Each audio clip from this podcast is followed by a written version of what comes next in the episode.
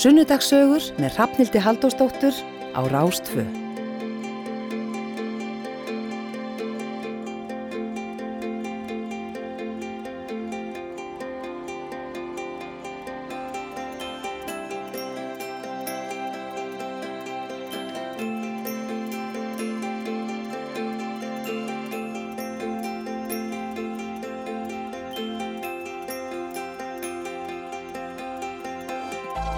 Komið sæl og velkomin á uh, vaktina með okkur hér á Rástvö. Hrafnildur Haldurstóttir heiti ég og er umsjónamæður þessa þáttar sem er að byrja núna heiti Sundasögur og er alla jafna á sunnudum eftir á degi og uh, það er dásamlegt veður í höfuborginni og uh, þó að sé allt kvítt og kallt þá einhvern veginn, já, það er alveg frábært veður. Ég var að mynda að sjá hér myndir úr fjöllunum. Fyrir þá sem er áhuga semnum það, þá verðist vera opið á öllum skíðasvæðum að minnst okkurst ég er í Bláfjöllum og Skálafelli og Hlýðarfelli og ég kannski renni yfir þetta eftir. En sem er bara frábært að hérna, nota snjóinn þar. Sem ég vil ekki tafa hann hérna í bænum. En uh, það er alþjóðlegu bara hvenna í dag og það hefur nú komið fram í í eh, morgun hjá okkur hér á Rástvö og við náttúrulega ætlum bara að spila tónlist eftir konur eða með konum og svo koma til mín tvær konur í þáttinn og uh, þær heita Snjólaug Ólafstóttir uh, svo sem kemur hérna bara rétt upp úr klukkan eitt. Hún er umhverjusverkfræðingur ættið á norðan, við ætlum að heyra hennar sögu hér á eftir. Og svo sem að kemur á millið 2 og 3 heitir Kamila Ingebergstóttir og saði mig sjálfa, hún hefði stundu verið kölluð í hérna Camilla Airwaves. Hún var lengi vel að vinna við það hjá Úttón og hún var umbósmöður of Monsters and Men. Stýri svo alveg við blaðinu og starfar í dag sem jókakennari og uh, tónheilari og kakóunnandi og ímislegt fleira. Þannig að við ætlum að heyra hennar sögu hér í setni hluta þáttar. En eins og ég sagði þá ætlum við að spila tónlist eftir konur eða með konum. Og fyrsta lægið er Fluttafinni Dittu Sigrun okkar Hjálmtístóttir Lægi er að vísu eftir Karl Valgeir Guðjónsson en Dittu syngur. Vorið kemur eða viki vaki.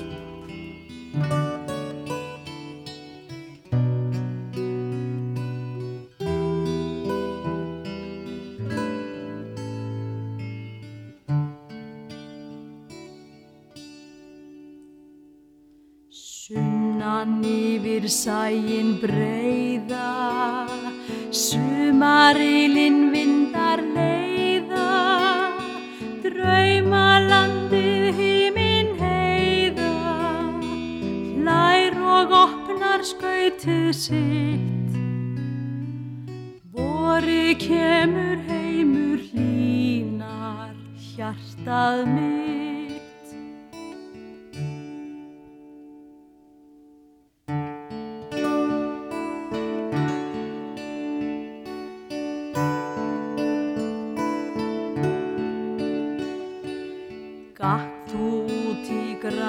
Lundin, gáðu fram á bláu sundin, munda það er stutt hver stundin, stópult í arnestinni þitt. Vori kemur heimur hlínar, hjartað mitt.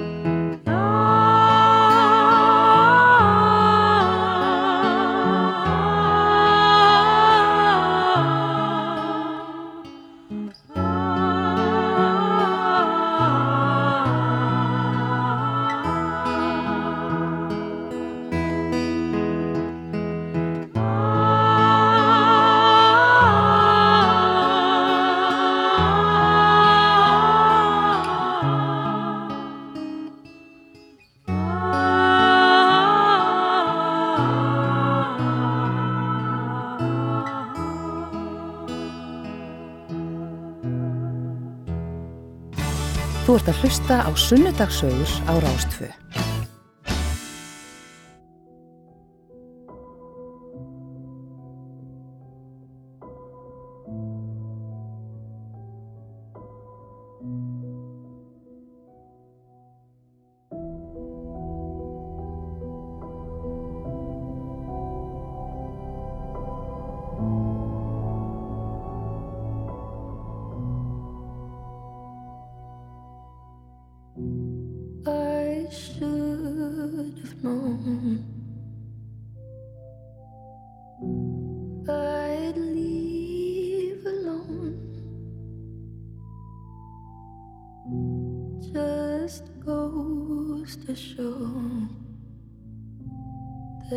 Blood you bleed is just the blood you own. We were a pair, but I saw you there. Too much to bear. You were my life, but life is far away Was I stupid to love you? Was I reckless to help? Was it obvious to everybody else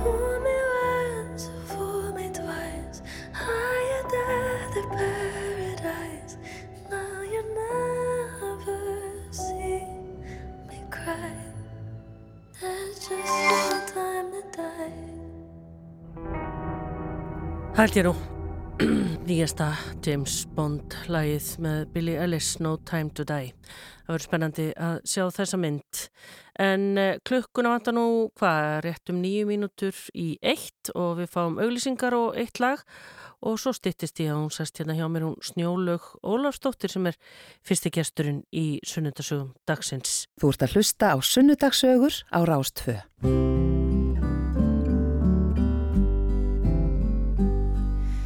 Allsnakin kemur í heiminn og allsnakin ferðu burt.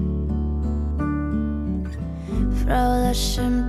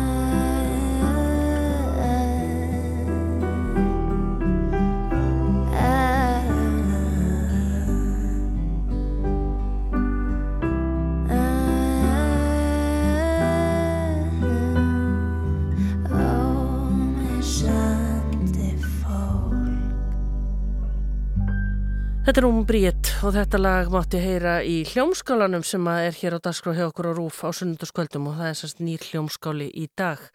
En það er komið gestur til mín í hljóðstofu hér á Rástvö og hún heitir Snjólög Ólafsdóttir og hún er umhverfisverkfræðingur. Er það ekki titillin sem hún notar? Jú, meðal annars. Já. Það var ímsa titla þessi dagana. Já, einmitt. Eh, Þú varst að mynda að segja mér að þú hérna, að ég var að tala um þennan alþjóðlega baráttudag hvenna sem er í dag, 8. mars, að þá varst þú í, í svona, já, forsvari í gæra á, á hvaða fundi var það? Ég, ég er ekki sagt að ég var í forsvari. Ég Í panel, panelumræðum, já. já. í hérna, það var uh, ungar aðtapnakonur voru að halda ÖK-daginn Já, í gær. UAK sem er, Uh, ungar aðtapnakonur. já, ungar aðtapnakonur. Og þetta var mjög skemmtilegu dagur alveg frá tíu til, til fjögur og fullt af flottum fyrirmyndum þarna konur að koma saman og, og hvetja, hvetja hverja aðra áfram í, í hérna, ég bara líf og starfi og tala um umhverfismál meðal annars og Já. það var mjög flott. Já. Uh, þú sagði mér þegar ég talaði við þig hérna fyrir einhverju síðan snjólegu að þú í rauninni hefur verið með svona sterka umhverfisvitund alveg frá því var slítil stelpa Já. hlaupandi eftir karmelubrifum sjóru gömul. Já, ég var sem sagt mann eftir mér í byggum í hlýðunum og mann eftir mér að vera hlaupandi þarna á eftir sko krökkunum í hverfinu að, að öskra á eftir þeim að vera ekki að henda karmelubyrjum á götuna og, og eitthvað, þetta er sér stórhættulegt og, og eitthvað svo leys. Hvaðan kom þetta? Veistu það? Veistu það, það bara, þetta er stóra ráðgatan held ég heiminu fjölskyldu, það skilur enginn hvaðan þetta kemur. Nei. Og hlýttu krakkarnir? Nei, ég held ég hef lært sko þarna að það þýðir ekki að hóta og vera með læti. Nei. Alltaf hlusta enginn á mig og allir hlupi bara burtu sko. Já. Og ég, já, það er mjög gott að læra það snemma að það þýðir ekki að reyna að segja fólki vondar sögur og, og, og hóta til þess að hlýði manni sko. Nei, Það er ágætt að læra það strax, þá getur maður notað einhverja betri aðferðir. já, ummitt. Þú ert í dag snjólu orðin sem sagt umhverfisverkfræðingur en við Já. skulum bara vind okkur beint í, í byrjunina. Hvar ertu fætt og uppalinn? Herri, ég er fætt á Akureyri Já.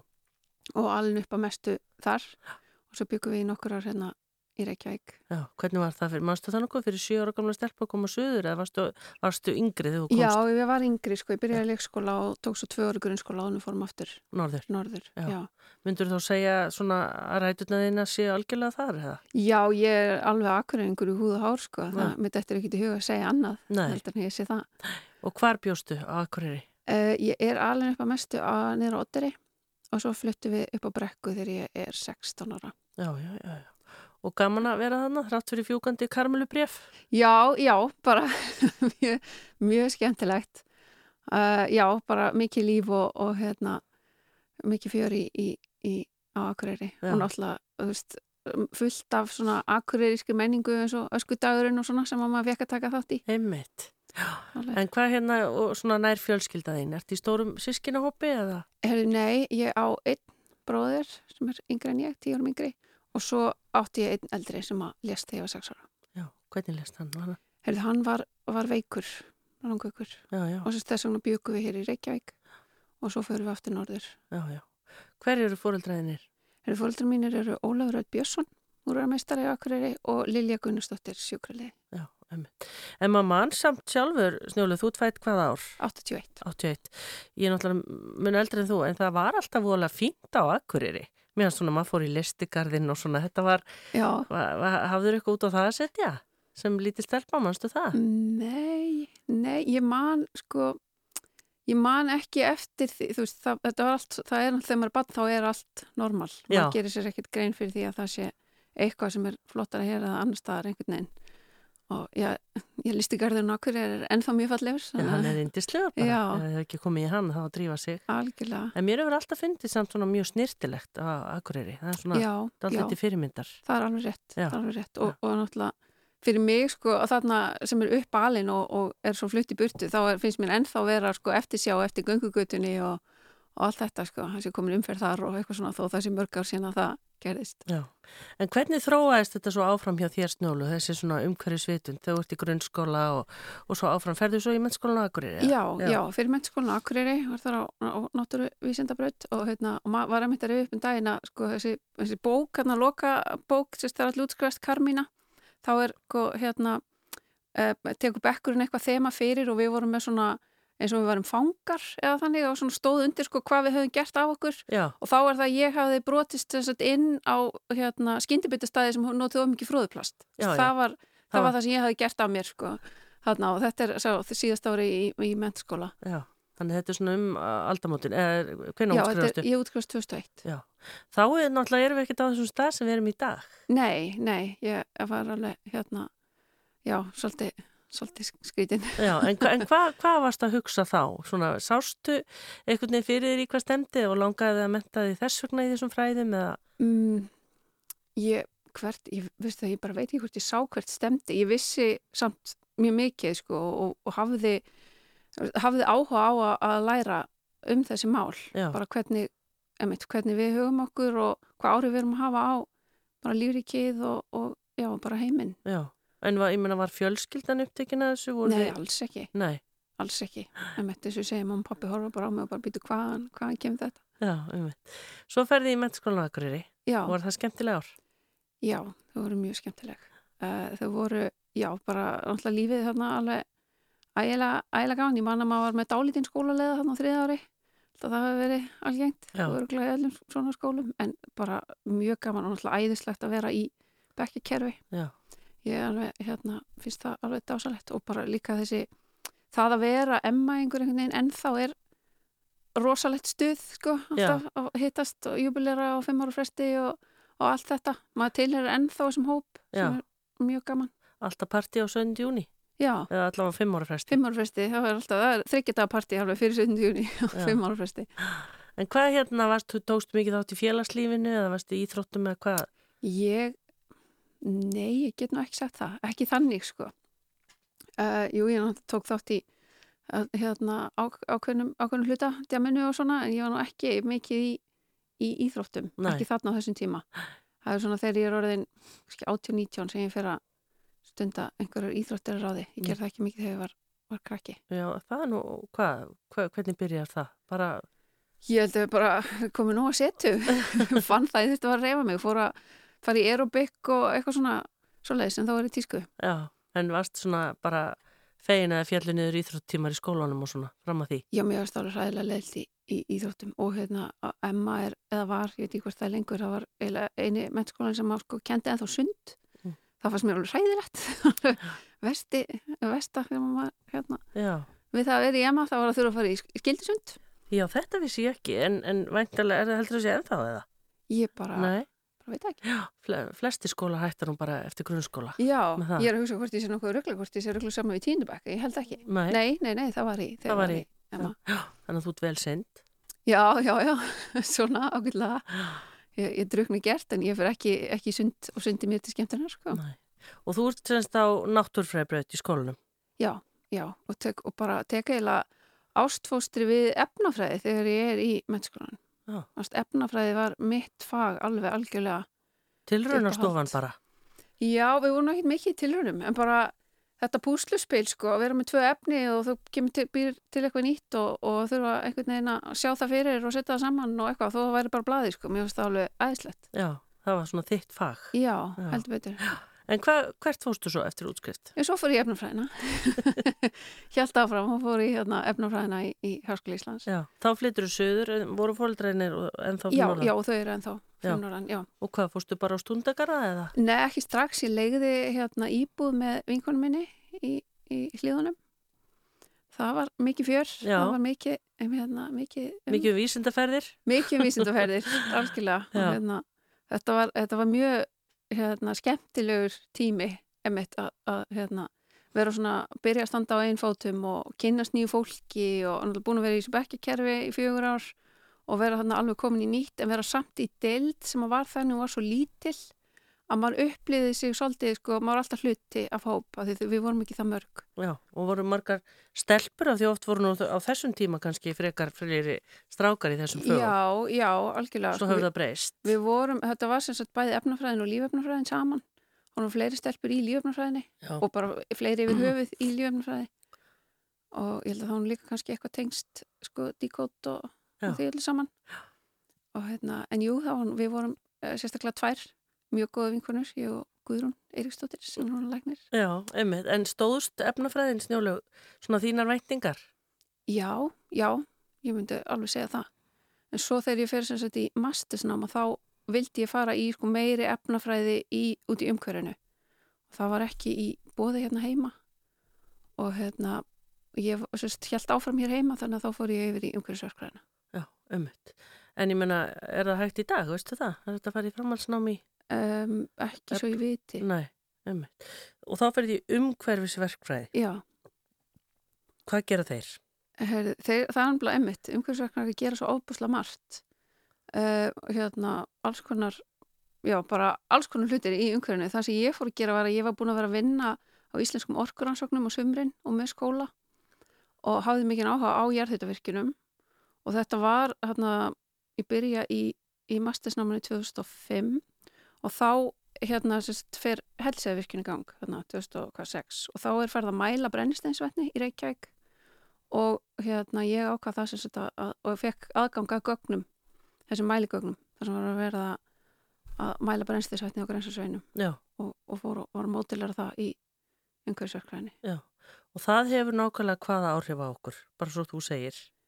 Já, sko, nú var ég ekkit mikið að skoða heilsufass hlutan Nei, en, en hérna allavega í, lágum styrk hefur þetta ekki mikið áhrif með þú finnur lyktina þá er, hún, er þetta meira pyrrandi heldur en, heldur en hitt sko. Mm. en svo þegar þú ert hægt að finna lyktina þá er þetta farið að hafa skali áhrif en það gerist nú ekki, ekki byggð hér sko. mm. en í hvaða tilgangi varst þú þá að skoða þetta? Ég var að reyna að skoða sko hvernig þetta dreifist og hvernig þetta er að koma eins og til Reykjavíkur og ég var svona að nota sko loft hérna svona líkun fyrir dreifingu efna í andurslóftinu og sjá hvort að þau væri standast fyrir þetta gaf svo okkar aðstæður og, og allt það Já, og svo fer ég sérst þá í dóttasnámin í framhaldinu þá fer ég sko ennþá meira út í þetta og fer að sapna sjálfgögnum og keira meira nær hérna sérst virkininni og fara upp á heiði og út á þingvelli og allt þetta já. og mæla mæla. En er það ekki vindur þessi stjórnar í hvað við finnum mikið? Jú, jú, sko, en það er ekki bara vindurinn, það er líka hérna hítastíð til dæmis og við finnum oft meiri lykt þegar það er einmitt köld austanátt Já, heldur en aust- eða þegar austanátt á sumrinni því þá er meiri blöndun í andrúrsloftinu um, heldur en þegar það er kallt. já. En varstu þá svo í náminu að vinna það fyrir og enn eða hvernig? Já, ég sagt var fyrst, byrjaði fyrst að taka mælingarnar og gera rannsóknirnar og allt þetta og svo uh, 2012 að þá hérna hitti ég nú bara eina sem að vinnur upp í orkuveitu bara í sundi Já, og af því ég kannast við hana þá, þá fór ég spjalla við hana og fór að segja henni frá mér og sem sagt í framhaldinu af því að þá hérna fer ég upp í orkuveitu og tala við fólki þar og, og fekk sérst tvö síðustu árin mín í náminu sitja þar og meðan ég er að- klára að skrifa og, og rannsaka. já. En byrju, hvernig var samtalið í sundinu? Mástu það? Já, það var meira svona hæ mannst eftir mér, sko, við höfum heist áður og, og hún myndi, hún ekki eftir mér, en hérna og ég svona fór að segja henni segja henni hvað hva ég væri að gera, sko. Þá, hérna, sagt, þó ég væri búin að vera í sambandi við einhverja upp í orkuveitu, þá svona, kannski vissi ekki alveg allir að mér og svona, þannig að já, mm tóku mjög vel á móti mér En ef þú útskýrir aðeins fyrir okkur betur snjóleg, sem sagt, þínar niðurstöður eða þínar rannsóknir, já, hvað, í hvað tilgangi sagt, voru það nýttar? Já, til dæmis sko þegar við vitum við, hva, við hverju er að búast við ákveðna veður aðstæður að þá er hægt að, að grípa til annar ráðstafa akkurát og meðan á því stendur til Mhm. dæmis. Mm um, sem að og, og, fór alveg í gang að gera eitthvað svo les en svo náttúrulega núna er verið að dæla þessu niður þannig að það hefur ekki ekki verið þörf á því, að dæla þessu niður með kváltisýningnum Já, að Og er það það svona sem við finnum svo miklu minni lykt eða? já, já, Já. meðal annars það er alveg verið að dæla mjög, stórum hluta niður núna En var byrjað því þegar þú ert þarna eða? Nei, ekki sko, ekki, jú, það byrjaði sko áður en ég fer, en ekki þegar ég kem inn, þá var það held ég ekki gert hann inn ráði. Já, einmitt. Er það mín tilfinning einhvern veginn uh, að ON eða þarna orku að það er eitthvað svo margar ungar konur sem hafa verið einhvern veginn í, í svona fórsvari? Já, já, algjörlega. Er Ég- það meðvitað eða var það bara hittist svona á að það voru svona marga vís, vísindakonur þarna? Já, sko, nú get ég ekki, ekki svarað fyrir Bjarna, en, hérna, Ah. en ég hef heyrt hann tala um einmitt að, að, að hérna, þetta sé, það, það, þetta sé meðvitað, sko, að, að bæði var byrjað á þessu og þetta gaf svo góð raun að þá var náttúrulega haldið áfram. já, og við höfum mjög mikla fyrirmyndir bæði orkuveitan og, og landsvirkjun í þessu að taka ungar konur og, og, og treysta þeim og, og sína þeir, gefa þeim tækfæri til að sína í þeim býr. já. Þannig að þú líkur þarna þínu doktorsnámi, ertu þá doktorsnjólug orðin þá? já, já. Og þá hvað? Heyrðu, þá hérna tók ég mér nú smá pásu. Ég var aðeins komið með nóg af hérna, Varstu Að búin að vera samfleytt í skóla alveg? já, ég var sko, ég var 13 ár samfleitt í háskólanámi. Reyndar tók ég, það var nú eitt ár hann á milli sem var semst, í 80% vinnu og var að vinna við, sem sagt að reyna að koma náminu mínu áfram með, sko. Það var nú ekki, hérna, gekk ekki mjög hratt. Já, Um, já, en svo eftir námið að þá, þá fann ég alveg, ég var búin að sita sko þarna í einhver ár að hugsa eins og gasmólikúl. Þetta var alveg bara, ég var alveg komið með nóg að sita inn við tölvina og ég sá alla vera að fara á fundi og ég var alveg bara með steikta nefana, bara mig langar á fund og hérna, þannig ég ákvaði við fórum, sagt, ég og þáverandi maður minn fórum í hérna heimsreisu, fórum í tvo mánuði og hérna aðeins, hérna, fórum að sjá nýja hluti já, hvert fóruð þið? Við fórum, við fórum ímislegt, við fórum til Thailands, við fórum til Hawaii, við fórum uh, Porto Rico og svona, já, ferðumst, ferðumst við það. Aðeins. Alveg svolítið. þið bara frá tölfunni og öllu sem varst að gera og, Já, já, Ah. algjörlega, ég var alveg, og hérna, og svo kem ég tilbaka og er svona að hugsa mig um og ég, ég vissi að mér langaði að prófa eitthvað eitthva nýtt og hérna, ekki vera áfram í, í jarðhittanum, ég vildi ekki festast í að verða einhvers konar brennsteins vetnis sérfræðingur sem ég var orðin. Já, já, einmitt. Og hérna, og svona í framhald af því að þá fer ég að halda fyrirlestra. Hérna, ég er bara alls konar vinnustöðum. Um, Um- þá hvað? um umhverfismál og umhverf, sko, fyrirlestur sem ég er ennþá að halda sem heitir uppteknum umhverfisinnin og er sérst, um það hvernig við getum hvernig við förum að því að sinna umhverfinu þó við séum svona agalega upptekin. Já, alltaf reynd og alltaf með þetta blessað samviskubit og allt þetta.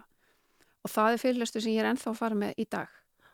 Bara núna, sko, ég bara hann er búin að vera í fimm ár í gangi. Já, og gilda sömu lögumál í dag eins og fyrir fimm árum og, já, já, já, fyrir- ég, þarf, ég er aðeins búin að þurfa að uppdata því að fólk er sko orðið meira meðvitað heldur en það var fyrir fimm ári síðan. Mhm, þannig að það er svona aðeins að uppdata en, en, en hérna, sko, það sem er í rauninni í gangi, það er veist, þetta er alveg söm, ég er þetta er sami söm skilbúðin sem ég er, hef fram að færa þarna. Já.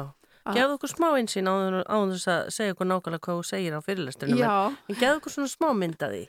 Já ég, er, ég er að tala um þetta sko, hvernig hvernig við bregðumst við umhverfismálum. Hvernig við heyrum þessa fréttir og þetta er allt svo agalega dimmt og drungalegt og þetta er allt svo mikið og stórt og hvaða áhrif þetta hefur á okkur bara tilfinningarlega og andlega og hvernig við bregðumst við. Við bregðumst við með því að íta móti eða, eða finna okkur einhver afsakanir eins og þú veist, ég gerir svo lítið að ég skipti ekki máli. Veist, þetta allt saman. Mhm, og, og svo hvernig við getum þá í rauninni sko, tekið skref á okkar fósendum. Hver, hvernig við getum fundið hvað við, við sannlega viljum gera í þessu öllu saman. Mhm, og gera það þá í stað þess að elda næsta mann sem er kannski að gera eitthvað sem við höfum ekki áhuga á að gera af því það er svo ofbáslega margt sem við getum gert. já. Og tekur þá fyrir bara svona daglegt líf bara hvernig við umgöngust bara rusl og alls konar Já, ég rauninni kem með já, svona, svona tillögur af hlutum sem er auðvelt að gera en emmitt sko með hérna, því að fólk máti sig í þessu. Ekki gera það af því ég var að setja það på töflu. Gerðu það af því að þetta er eitthvað sem er auðvelt fyrir þig, þú getur vel gert og, og engin, hefur ekki stóran fórnarkostnað í, í för með sér. mhm, Að hérna, við ætlum ekki að hætta að gera það sem að við höfum gaman af í lífinu af því að sko, einhver sagði okkur að það væri hefði ákveðið umhverfisbor af því það er svo margt annað sem við getum gert sem skiptir okkur þú kannski ekki máli. mhm. En í þessum fyrirlestri bara gagvart svona einstaklingnum í, í þjóðfélaginu hvað er mikilvægast að við gerum að þínu mati? Ég, sko, mikilvægast sem að ég mitt segi þarna er að við þekkjum okkur og vitum hvað það er sem skiptir okkur máli og verum, erum forvitin og viljum heyra og viljum hlusta og það sé ekki pressa að við séum ekki, við séum ekki forðast að heyra nýja, fá nýjar upplýsingar af því við erum svona hrætt við að það sé eitthvað að fara að breytast sem að við viljum ekki breytist. Skilur, heldur við tökum inn upplýsingarnar ok, hér er eitthvað ég get ekkert í því gert, þá er það bara þannig. En kannski er eitthvað annað sem við getum gert og við getum gert auðveldlega og þá vitum við það. En við Mhm. breytum auðvitað ekki, ef við vitum ekki. Ertu til dæmis, þú veist, áttu ekki bíl, hjólar á milli, kaupir þér ekki fött uh, hvernig er það? Nei, alls ekki. Ég, hérna, ég, ég keiri á bíl eins og hérna, flestir í, í Reykjavík. Þó ég reyni að, lappa það sem ég get og, og er á stefnskráð að fá mér rafskutlu og svona. En ég meina ég reyni að kaupa uh, notufött eiginlega öll fötin mín. Að meira hlutin er, er notaður og ég, hérna, húsgögnin mín megni að því er notað, ég spá í hvað ég kaupi, ég reyna að kaupa vottaðarvörur og, og, og slíkt, sko. Og svo þetta, hérna já, bara ímsi svona hlutir passa upp á plastið og flokka og passa á málmanna mína, það er mjög mikilvægt að koma öllum málmum í réttan farið að þeir fara ekki í ruslið. Já, og alls konar, það er svo ofbáslega margt sem að, maður getur gert og það er einmitt þetta að elda forvitnina sína sko. ef að ég hef áhuga, ef að fólk hefur áhuga á tísku að það skoði þá hvað get ég gert þarna?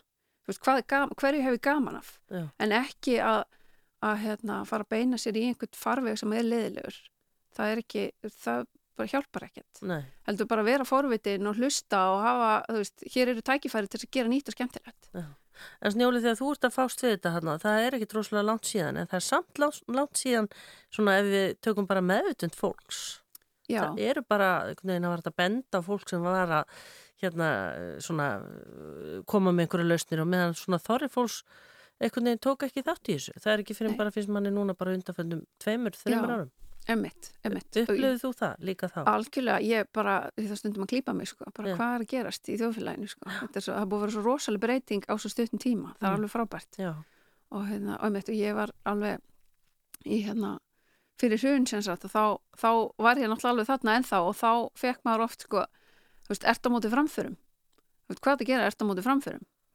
og það er akkurat sko öfugt núna sem er alveg geggjað sko. Núna er bara já, þú veist, umhverfsmálin. Þú veist, ef við ætlum framfarir og umhverfsmálin eru núna, fer núna saman og fólk er farið að sjá það. Og það er svo frábært. Já, ummitt.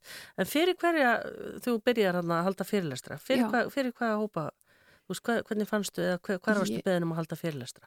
Bara alls konar hérna, fyrirtækjum og, og ég bara fór að senda posta og tala um fólk og, og eitthvað svona. Já. Fekk náttúrulega að byrja upp í hérna, orkuveitu á mínum gamla vinnustad og tala við hérna, mitt fólk þar.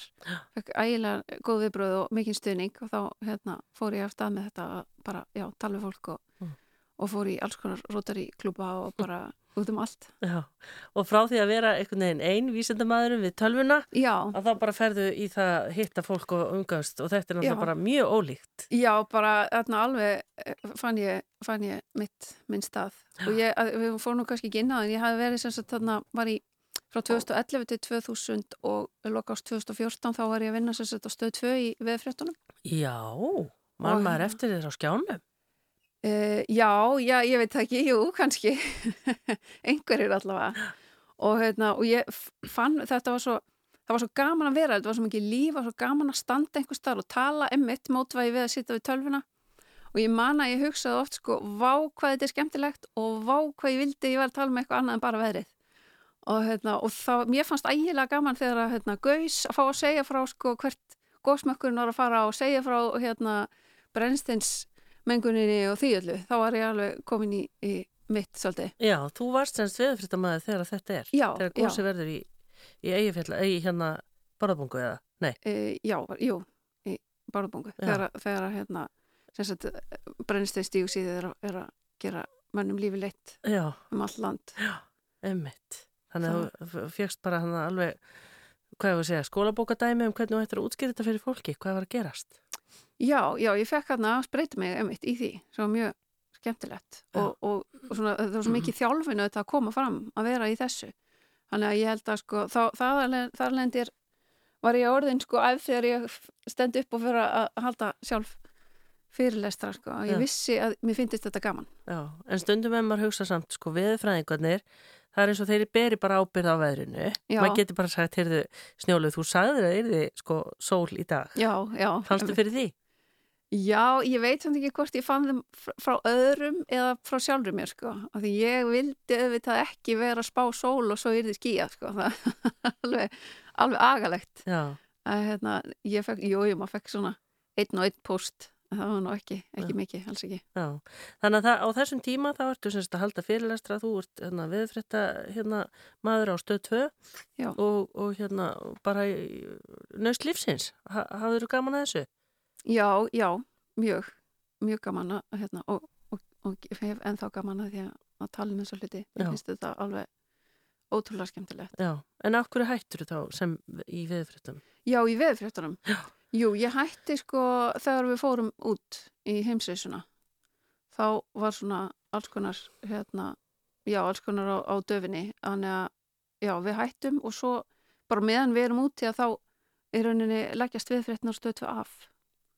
Þannig að það var svo sem ekkit, Ekkert við því að gera? nei, Nei, það var nei. Og svo í, í framhaldinu af því þá hérna, hún hérna Birta Líf sem var hérna á Rúf í veðfréttunum og ég heyrði hann að tala um sko hvað hún væri hérna mikið að fylgjast með veðfréttum þegar hún væri ekki á vöktum að hún, hún hérna fylgdist svo mikið með, hún hefði svo gaman að þessu og ég hugsaði bara, vá, þú veist, svona ámar vera og, og hérna, og ég hugsaði bara, ok, næst þegar ég fer að tala þá ætla ég að vera svona, þú veist, ég ætla að tala um það sem ég er líka fylgjast með þegar ég er ekki á vakt, Já. Ummitt.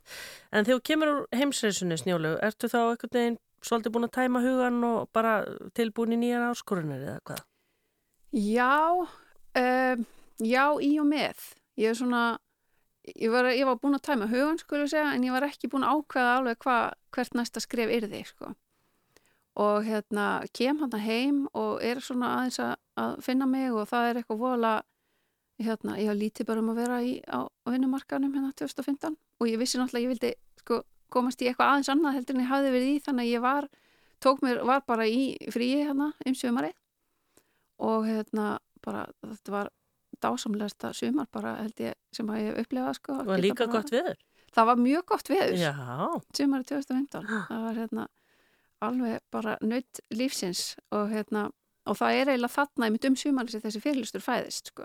ég gef mér þetta rými til þess að setjast niður og virkilega fara einhvern veginn að spá í sko, hverju ég hef áhuga og allt þetta þá bara fæðist þetta heima bara Já. í stofu Mm. Og hérna Við maður taka örstu hlið núna, fá nokkra lýsingar, hún er hjá mér hérna um snjó, Snjólaug Ólafsdóttir, umhverfisverkfræðingur og hérna, við ætlum að heyra svona setni, setni hlutan hérna eftir smástund. Sunnudagssögur fyrir klukkan þrjú í dag.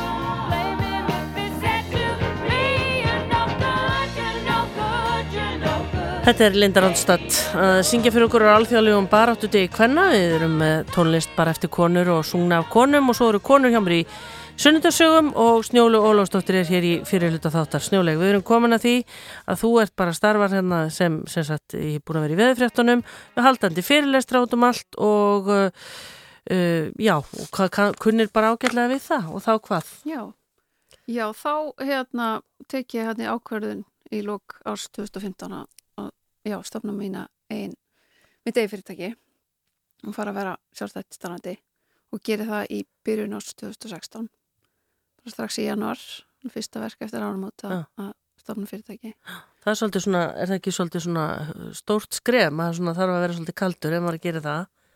Jú, jú, allir það ekki. það var, hérna, já, þetta var svo sem ekkit, sko, það var í rauninni ekkit sem að ég eitthvað var búin að ákveða eða eitthvað svona fyrir löngu sem ég hafði sett, mér bara fannst, mér bara fannst ég einhvern veginn þurfa að gera þetta ef að ég ætlaði að gera það sem ég var farin að finna að mér langaði til að gera. Já, sem var svona að, að byggja á þessu, þessum bóðskap og, og, hérna, og ég fann það alveg að fólk virkilega vildi heyra þetta. Þannig að ég ákvað bara að, að stökka til og, og gera þetta og, bú, og náttúrulega tók, tók að mér alls konar verkefni náttúrulega til að byrja með og bara ég lendi í alls konar æfintum það var mjög skemmtilegt. eins og hverju?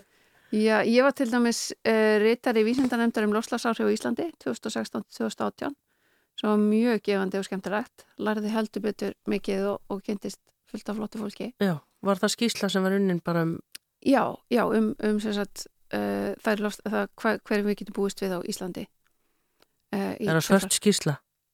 Nei, nei, nei, hún var það nú ekki en eins og margar kannski eða einhverja fleiri skýslur þá, þá koma sjálfsögur ljósa það, okkur vantar fleiri rannsóknir á þessu öll saman Já, ummitt, í, í öllum, öllum geirum já. Það er svona eitt af þessum sem hún gerði. Svo varstu hjá, er það ekki festu? Eða, Jú, ég hef verið að, hérna, ráðgefandi hjá festu varandi loslagsmæli sem sagt festu og Reykjavíkuborgar uh, sem fyrirtækin geta þá nota til þess að rekna út kolminspori sitt og, og var með því að búa hann og móta hann já, og er breyting þar á? Bara á svona síðustu? Uh, breyting á hvernig Bara hvað við erum að gera betur þar? Já, já, Fyrirtækin og... heldur betur. Það var þarna sem sagt uh, loftslags yflýsing festu Reykjavíkuborgar er, er uh, fyrir, fyrir lokást 2015 fyrir Parísafundin er hann fyrirtækjum í Reykjavík og bóðið að koma á skrifundir. Og það eru yfir 100 fyrirtæki sem að mæta og skrifundir og, og skrifa upp á það að ætla að draga úr losun og úrgangsmyndun um, og, og byrta sér sett niðurstöður og, og ennþá fleiri hafa skrifað undir síðan þá þannig að það er nú aldrei flott átak og mjög mörg fyrirtæki að gera flotta hluti í þessu. Já, og þá myndi kannski eitthvað segja sem er að hlusta, er þetta ekki miklu mikilvægara heldur en það sem einstaklingandi gera? Ég, sko, ég, ég hugsa alltaf að þetta þurfi að fara saman. það er ekki hægt að leggja það á einstaklingana að eiga að gera þetta allt saman þegar heim er komið og, hérna, og einhvern veginn að eiga ofan á allt hitt að, að bjarga jörðinni einhvern veginn í frítímanum og það er heldur ekki hægt að, ætlast þess að fólk gera þetta bara í vinnunni og fara svo heim og skipt engmáli hvað þeir að gera. Nei, Og þess vegna, einmitt, finnst mér svo gott að nálgast fólk í vinnunni og á vinnustanum af því að þar einhvern veginn er frekar rými, það er ekki, þarf ekki að vera að tróði sinna á einu á frítíman og, og þú, þegar þú lærir þetta og þú skilur þetta og þú er meðvindund á þessu öllu sem hann eikst, þá smitast það allstar alveg sama hvar þú ert. Þegar þú veist eitthvað, þá veist eitthvað, Mhm. alveg sama hvar þú ert staðsett. já, og einmitt. Og ef þú stundar þetta, þá gerur það bæði heima hjá þér og í vinnunni. já, eða, já, og ég er alveg að lendi því núna sko, að vera að tala við fólk sem að vill, sko, er, að gera, er að fara að gera eitthvað heima og vill gera meira og allt þetta, svo kemur það í vinnuna og það getur ekki gert það sem það vill fá að gera í vinnunni af því það er ekki búið upp að það Mhm. og þetta skapar bara hérna, stress og, og leiðindi og, og móral og hérna, fólki, sko, fólki sem líður ekki vel í vinnunni, það er ekki að sinna vinnunni sinni eins vel og gæti verið að gera Já, Þannig að það, sko, vinnuveitundur þurfa að taka þetta allt saman inn í myndina. já. Og ertu bjart sinna að það verið gert? Já, ég er það, Já. ég er það, Mhm. mjög svo. Mm. Ég er náttúrulega fylgist mjög vel með hvað er að gerast eins og hjáfestu og, og mæti á, á tengslafundi og, og rástefninu og þeim og allt þetta og sjá hvað þessi fyrirtæki er að gera, þetta er bara alveg frábært. Já. Þannig að þú ert með, og fyrirtækið heitir sagt, Andrými, Já, er það ekki? það heitir, það heitir uppalega Andrými Ráðgjöf Já. en heitir núna Andrými Sjálfbarnisetur. Já, og ertu ein? Já, þetta er einsmannssetur eins og komið er. Þá ertu aftur orðið svona pínu einmannlegt eða hvað? Nei, alls ekki. Ég, hérna, uh, já, er, er, vinn mikið með góðu fólki. Það er ekkert, og ég, hérna, einmitt, er í tengslum við sérst, aðra rákjafa og, og tek með mig verkefni með öðrum og, og svona, þannig að það er oft, oft líf og fjör, sko. En, en Snjóli, hvað viltu að segja þegar fólk er að tala um til dæmis bara þennan lofslags kvíða? Já, Ég meina, hvað, hvernig, tæklar það til dæmis í þinni ráðgjöf? já, ég, sko, er náttúrulega, eins og þessi fyrirlestur sem ég var að tala um, hann náttúrulega fer inn á þetta og svo hef ég líka verið með námskeið sem ég hef kallað sjálfbarni og hamingjan, þar sem við bara tæklum þetta, sko, hvernig hvernig getum við verið vissum að verða sjálfbær sko þannig að það næri okkur sem einstaklinga líka því það er svo á svo óbúslega margar hátt sem við getum gert það og, og vera vissum að við förum fáleið en ekki einmitt að vera með þetta þjakaða samvinskupið og vera að gera eitthvað sem við viljum ekki gera en, en finnst við þurfa að gera og allt þetta það er alveg nóga svoleiðis pressu einhvern veginn í þjófélaginu þannig að gerum þetta en, en svona gagvart til dæmis bara fóreldrum uh, sem eiga börn sem eru með lofslags kvíða. Já. Hva, hva, hver eru nú þín ráð gagvart því? já, já, já, það er stort spurt. Já, Sko, ég held að börn náttúrulega eh, þú veist, það er, ég held að já, nú hérna Allt í góðu. nú á ég ekki börn, þannig að ég náttúrulega get ekki kannski ráðlagt sem fóreldri en, en þegar, þegar við, tölum við börn sem eru kvíðin þá er best að segja satt. Og hérna og, en ekki sko náttúrulega í þeim sköndum sem að aldur, aldur hérna ræðu við og, og líka bara fræðast sjálfur af því að ef að fóreldrarnir er að gera eitthvað Já. ef að við erum sem fyrirmyndir að sína fram á við getum gert þetta og við erum að gera það þá, þá sko, að valdefla sjálf okkur og sína börnunum fram á að við getum gert eitthvað. Og við séum ekki bara strá í vindi. Mm, að það séu skref sem við getum tekið við ætlum að taka þau og, og vera bjart sín og jákvæð og, og hérna, læra meira vera alltaf að fræðast meira og, og vera tilbúin og líka sína sko, sína fram á það að þegar að kemur eitthvað upp sem að var ekki alveg eins og við vildum að það sé ekki træðilegt. Heldur bara, ok, nú vitum við þetta. Þá gerum við betur næst. Já, um. á þess að þetta í kvíðan og En varandi til dæmis ferðalög og fljúa, já, hvað, fer þú í ferðalög? Flýgur þú til dæmis? já, já, já, ég gerir það Já, Ég, en hérna- plantar þá trjám eða á eftir eða hvernig, Já, eða, eða kólum ég sefna mig á annan hátt. Ég reyna að gera það, já. með hvernig hætti þá? Já, það er hérna bæði, bæði náttúrulega hérna skóraktinn og, og vollendisjóður og, og hérna landgræslan og svo er auðvitað mýmörg hérna erlend, erlend verkefni í gangi. Þannig að það er eh, hérna mjög mikið í, í bóði til þess að kólumnisjafna sig. En en, en sko ég, ég legg alltaf áherslu það að fólk sko fari, byrji þar sem er auðveldast. Og, og, hérna, og það sem kannski og stendur manni nærri. Þú veist, ef að þú þekkir einhvern eða veistum eitthvað eða eitthvað svona sem er auðvelt að gera að byrja þar.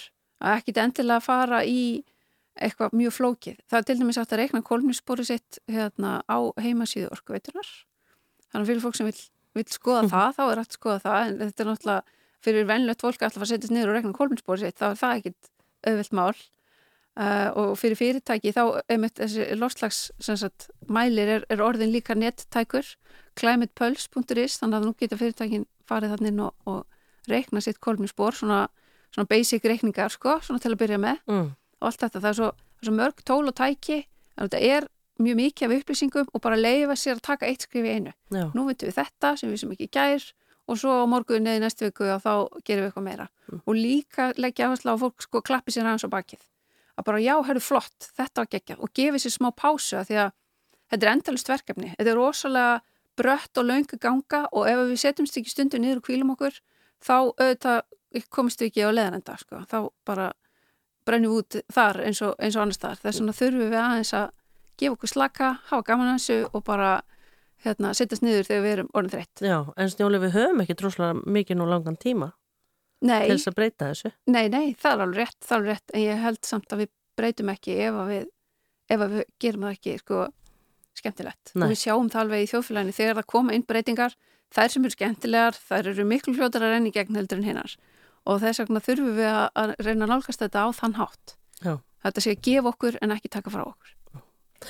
Látum þetta vera að loka orðin Snjólaug Ólafsdóttir, umhverfisverkvæðingur, takk fyrir komuna í sunnudasögur á þessum baráttu degi, hérna alþjóðlegum baráttu degi hvenna. Myndur ekki telja, þú er svona svolítil baráttu kona?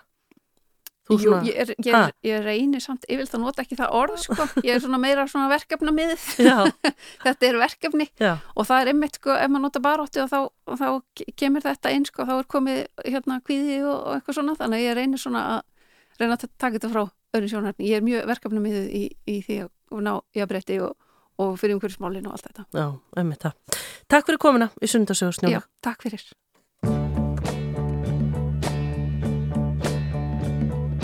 Think of your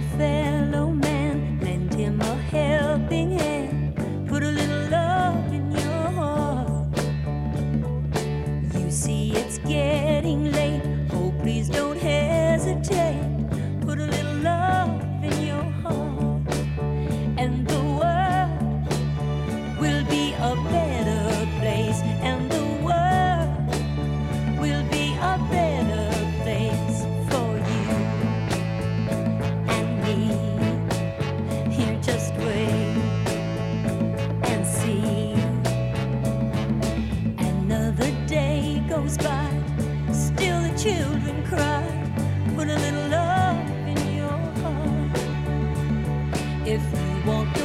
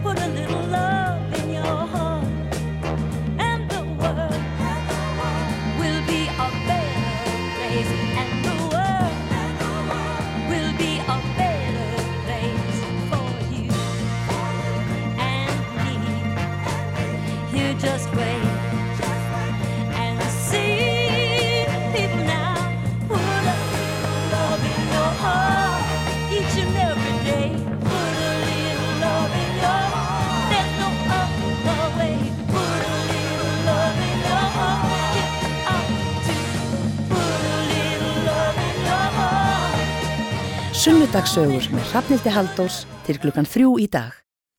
Það held ég nú, þetta var hún Snjólaug Ólafsdóttir sem var gestur minn hér uh, í fyrirluta þáttarins og ég ætla að gera aðeins öðruvísi en ég venjulega, eða sérst vön að gera því að ég ætla að byrja setna viðtalið núna og heyra, uh, við ætlum að heyra hérna viðtalið sem ég tók við hana Kamilu Ingibergsdóttur sem kom til mín hérna í vikunni og við tókum við viðtalið vegna sem ég verði að senda út hérna beint frá bladamannafundi vegna COVID-veirunar klukkan 2 þannig að við sagt gerum hérna smá undatekningu hér í sunnundasögum og, og hérna uh, kynnum hana Kamilu Ingibergsdóttur til leiks.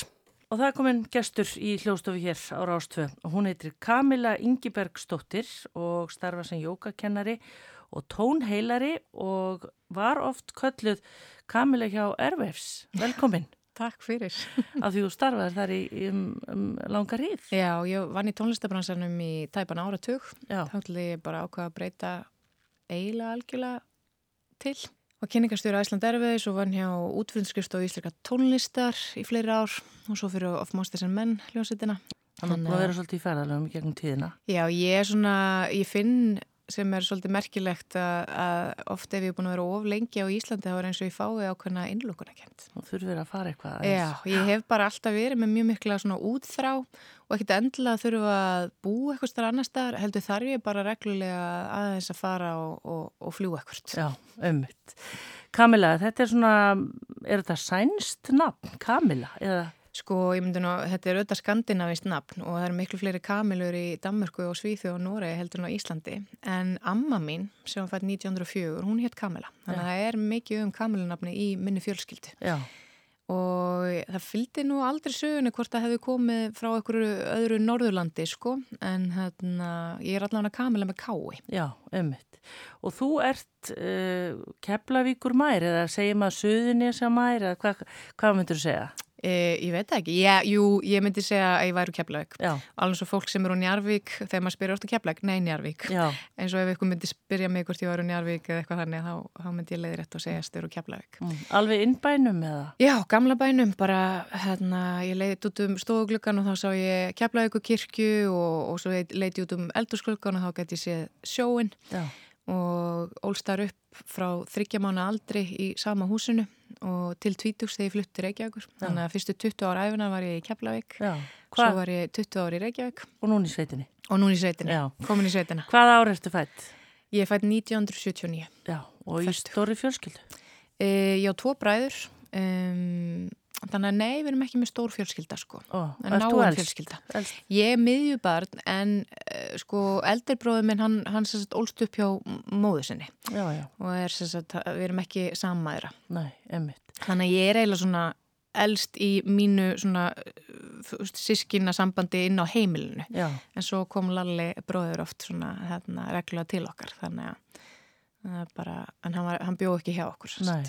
Og þú ert það ung, Kamila, að svona áhrif kanans í Keflavík á þessum tíma, þau voru kannski ekki alveg eins mikil eins og þeir sem eru þér aðeins eldri. Jú, þau höfðu mikil áhrif á mig eh, sko einfallega vegna þess að það voru margir auðvitað sem sóttu vinnu hjá Já, varnarlegunum á þessum tíma og meðal annars ég eitt sumar þá, þá vann ég hjá POV Pu- Publicly Owned Vehicles Já. og hérna var að eh, sjá um allt utanumhald þegar að bílar hérna, hermannina voru fluttir til landsins og sömu leiðis vann mamma mín, hún var svona hún sko vann hjá Æslandi svona í setni tíð en var sýningarstjóri í bíónu hjá varnarleginu. Vá. Þannig að ég var oft með henni í vinni, ég búin að læra ennsku þegar mjög ung sko og kunna alveg ennsku bara þegar að við loksins fórum að læra ennsku í, í, í skólanum.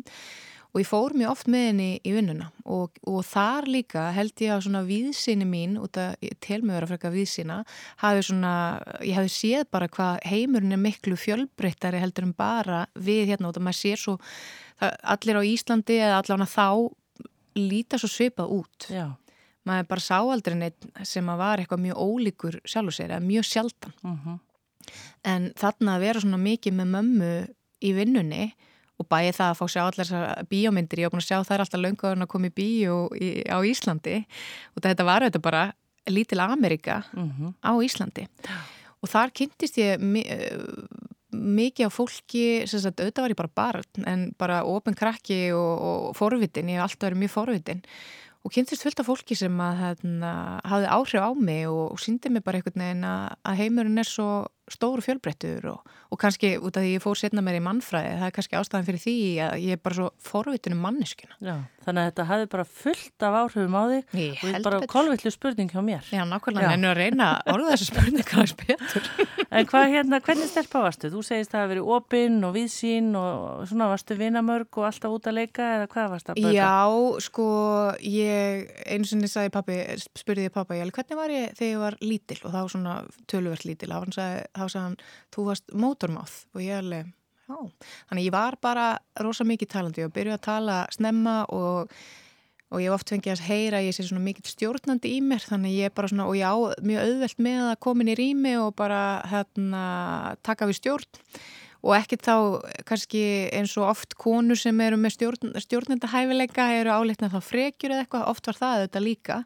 Þannig að og svo var ég líka bara, þó ég segi sjálf frá bráð gáfabarn, þannig að mér gekk rosalega vel í skóla og ég fann á einhvern tímpunkti að mér fannst það óþægilegt hvað mér gekk vel Já. út af því að veist, og svo einhvern tímann, þú veist, sagði pappi við mig, hann sagði, Kamila, þú fær tíu á prófi, þá farið þúsu kall fyrir hverju tíu og þúsu kall var bara hellingspeningur þá og ég bara fekk sjö tíur, þannig að pappi þurfti að punga út sjö skalli fyrir mig, sko, sem var bara mér leiðins að við unni í lottóinu. Já, en, en þú segir þetta ekki þótt að sérstaklega gott, var það þá eitthvað svona neikvæða aðtikli eða? Já, eða kannski of mikil aðtikli eins og frá kennurum og svona út af því að hérna, já, ég, einhvern veginn allan að finnst mér það svona í minninguna, ég hafi svona reynt þá bara svona, heyrðu, já, ég ætla ekki að vera svona rosalega klár, sko. Nei, og um, já, já, og ég meni mann eftir einu, einu skipti og þá mér þess að saumakenslu þá ha- hafði kennarinn var svo hrifin að einhverju verkefni sem ég hafði gert og vildi að ég myndi ge, fúst, fóra viður einhverju hugmynd við mig sem ég fannst bara, ég held bara nei, þetta, það verður ómikil aðtikli sem að þetta fær og, og sagði bara snarlega nei, sko. mhm. En svo er það líka kannski, það tengist að vera klár kona, klár stúlka, að, hérna, að ég veit ekki að það sé ekki ætlast til af okkur að taka eins mikið pláss eins og klárum strákum eða klárum körlum.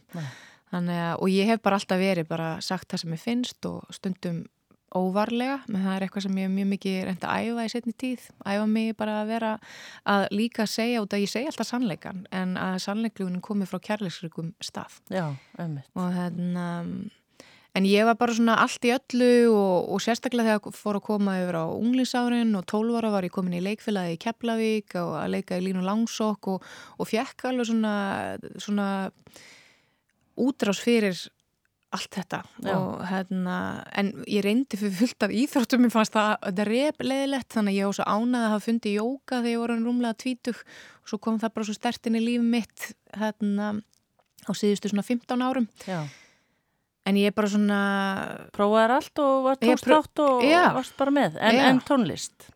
tónlist sko pappi, ég kem úr mikill tónlistafjölskyldu pappa megin, mikið um hérna, fólk sem söngi kórum og, og, hérna, og trommurum sérstaklega. Pappi spilaði mikið á trommur og tveir bræður hans sko og um, þannig að tónlist hefur alltaf verið stór hlut af mínu lífi og ég áttaði má því og núna þetta verandi tónheilari sem þýðir bara leiða fólki gegnum slökun og, og að núlstilla kerfið með því að nota tóna og hljóð.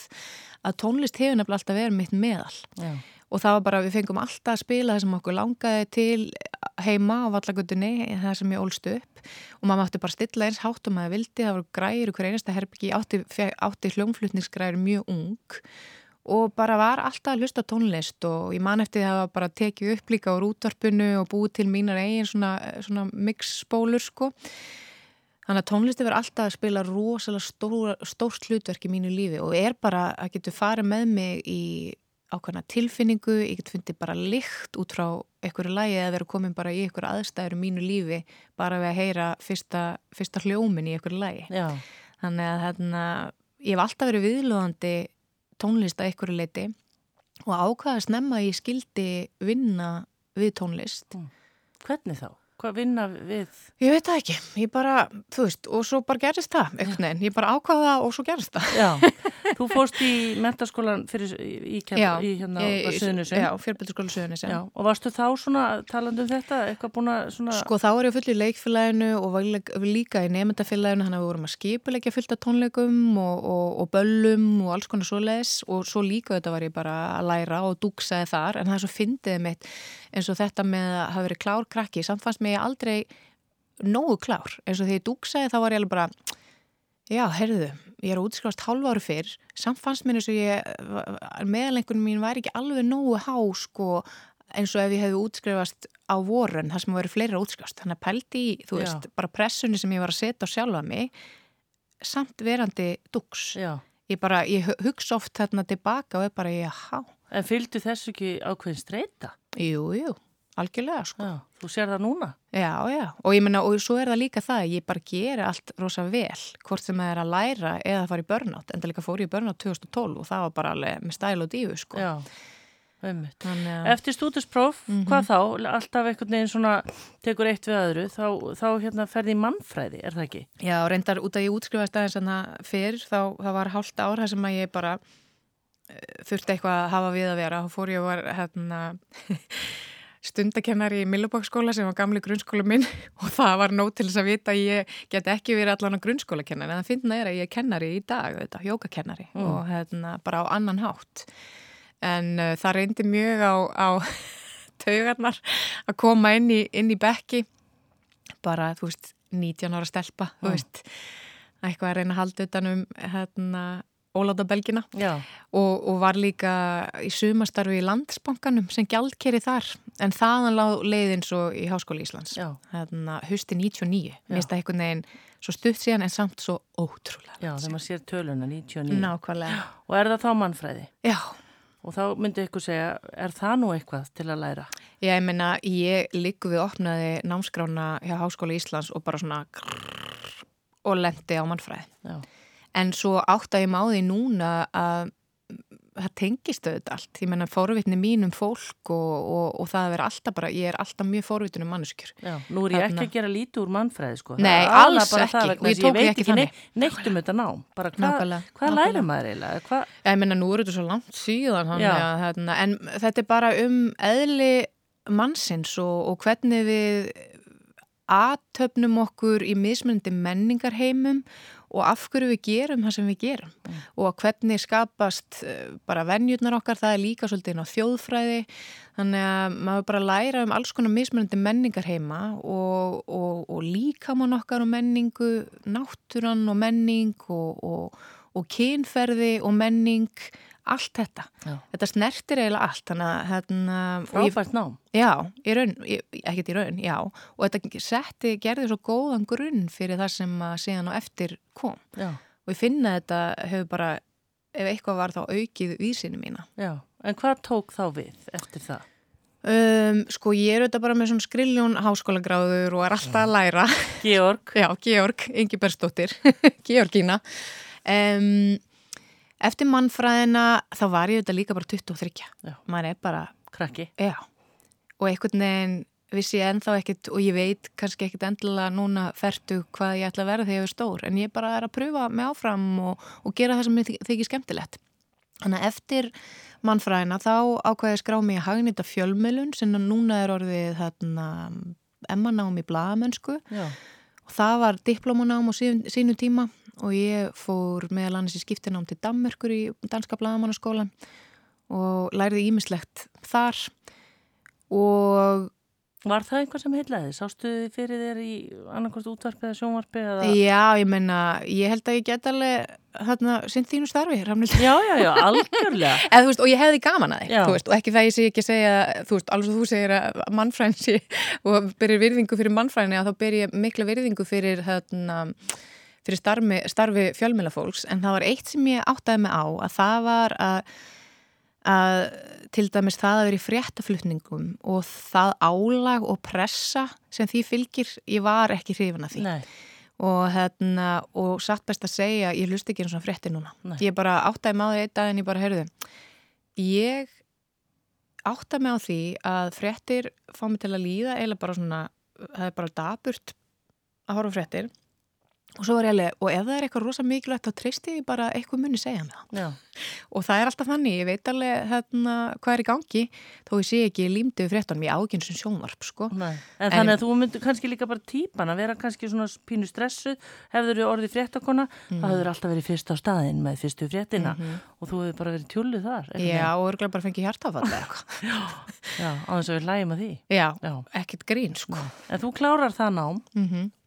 og ennþá ert ekki alveg búin að finna út úr því hvað þú ætlar að verða þú stór. Nei, og þarna fór ég að vinna fyrir uh, Rauðakrossin og fengin í, í sérst, afleysingar í hvort það var eitt eða eitt og hálft ár sem framkvæmdustjóri í Kópásteldar Rauðakrossins sem er önnu sérsta, eða var þá allan önnu stærsta deildin á landinu og þar var ég 25 og, uh, og ég man, ég er með svona, svona babyface, ég er svona stelpuleg og, og þarna þurfti alltaf, ég, svona stundu þegar maður fór hún að fundi, maður fann stundu þegar var ekki, maður var ekki tekin algjörlega alvarlega sko. Mm. Það er bara, það er bara eitthvað stelp að komin hérna og hvað er hún að, þú veist, og hérna En hvert var svona þitt svið? Uh, þá bara sá ég um hérna, námskeiðahald, helt utan um sjálfbólið, það eru þetta alls konar verkefni sem að Rauðikrossinu með bæði hérlendis og erlendis en fókusin var á, á Kópóin sem slíkan, helt utan um landsöfnina göngu til góðs í Kópói, alls konar svona verkefni. Já, þannig að tengdir alveg mannfræðina, fjölmennafræðina og allt þetta í Já. einum hræsugraut.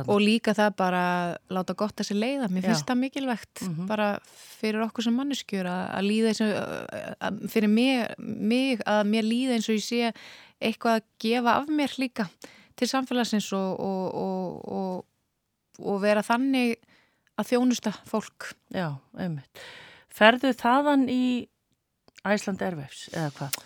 Nei, þar á þessum tíma þá einmitt þarna hafði ég búið í íbúði í Reykjavík sem fóreldrar minni keftu sem ég og bróðum minn út og við vorum bara líkuði búin að vera á vergangi og þú veist, legumarkaðan var erfur þá veist, en hann er auðvitað hrikalegu núna. Og fóreldrar minni fjárfyrstu í, í íbúð þar sérst á ringbröndinni sem ég séðan kefti að þeim og þarna var ég sérst, þessi framkvæmstöru kópóstildar og það, það var svona klárast og fóreldrar mínir höfðu samband einn dag og svo bara, Kamila, vilt þú ekki bara kaupa íbúin á okkur? Við hjálpuð þér og ég bara, oh my god það var eitthvað svo rosa fullorðslegt og, hérna, og þá fann ég bara ég er svona svolítið þarf mikið frelsi í mitt líf og ég finna að ég drabbast niður þegar ég komin í alltaf mikla rútinu og bara að, þá er ég bara eitthvað, herðu, ok, ég er að kaupa íbúð, ég er að vera rosalega fullorinn fljótt og þá, þá leitaði hugurinn svolítið út og ég sótt um í nám sem heitir uh, The Chaos Pilots í Danmörku sem er skapandi verkefnahönnun og verkefnastjórnun og býr eiginlega bara til unga frumkvöðla og líka hérna, frumkvöðla sem að vilja gera heimina betri stað. Já. Sóttu um þar, kefti mig bara hérna, miða aðra leið til Danmörkur í endökuprófin. Og hætti við að kaupa íbúðina? Nei, ég kefti íbúðina, leiði hana síðan bara út Já, já.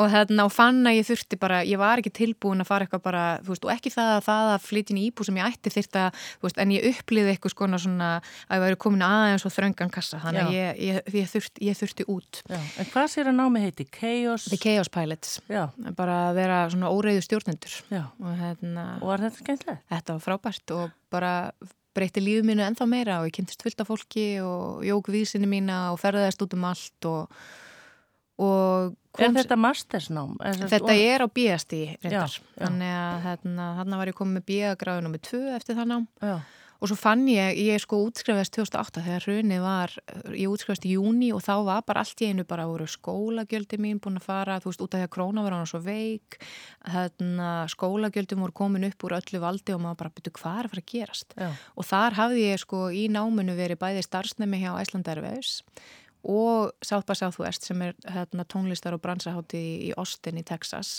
og hafði eitt tíma bæði á Íslandi í starfsnami og í bandaríkjónum og var komið með starf hjá Æsland Airwaves en svo bara hrund allt. Já, Þannig að ég kom heim, auðvitað búin að ákveða þarna þegar ég var unglingur að ég skildi vinna í tónlistabransanum var komið með fótinn hóka inn sko og búið að bjóða með starf en svo bara gekk það auðvitað ekkit upp út af því að það var ekki peningu til fyrir neinu. Og ég kom heim og þá leitaði ég aftur í bara svona mitt gamla tengslanett í, í kringum Rauðakrossin og svona og fór og vann fyrir alþjóðhúsi og uh, var þar verkefnustjóri Nýs Alþjóðhús í Breiðholti Já. var með aðstöðu í Gerðubergi en vann rosa mikið einn þar, gerði gott starf og, og, hérna, og verkefni var meira svo tilnæmt til samfélagsveðluna fréttablasins Mm.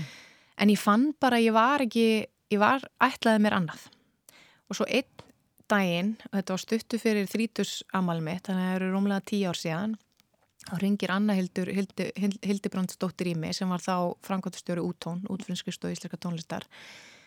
Og ég satt einin á skrifstofunum minni á starfstöðu minni þar sem ég var alltaf ein auðvitað.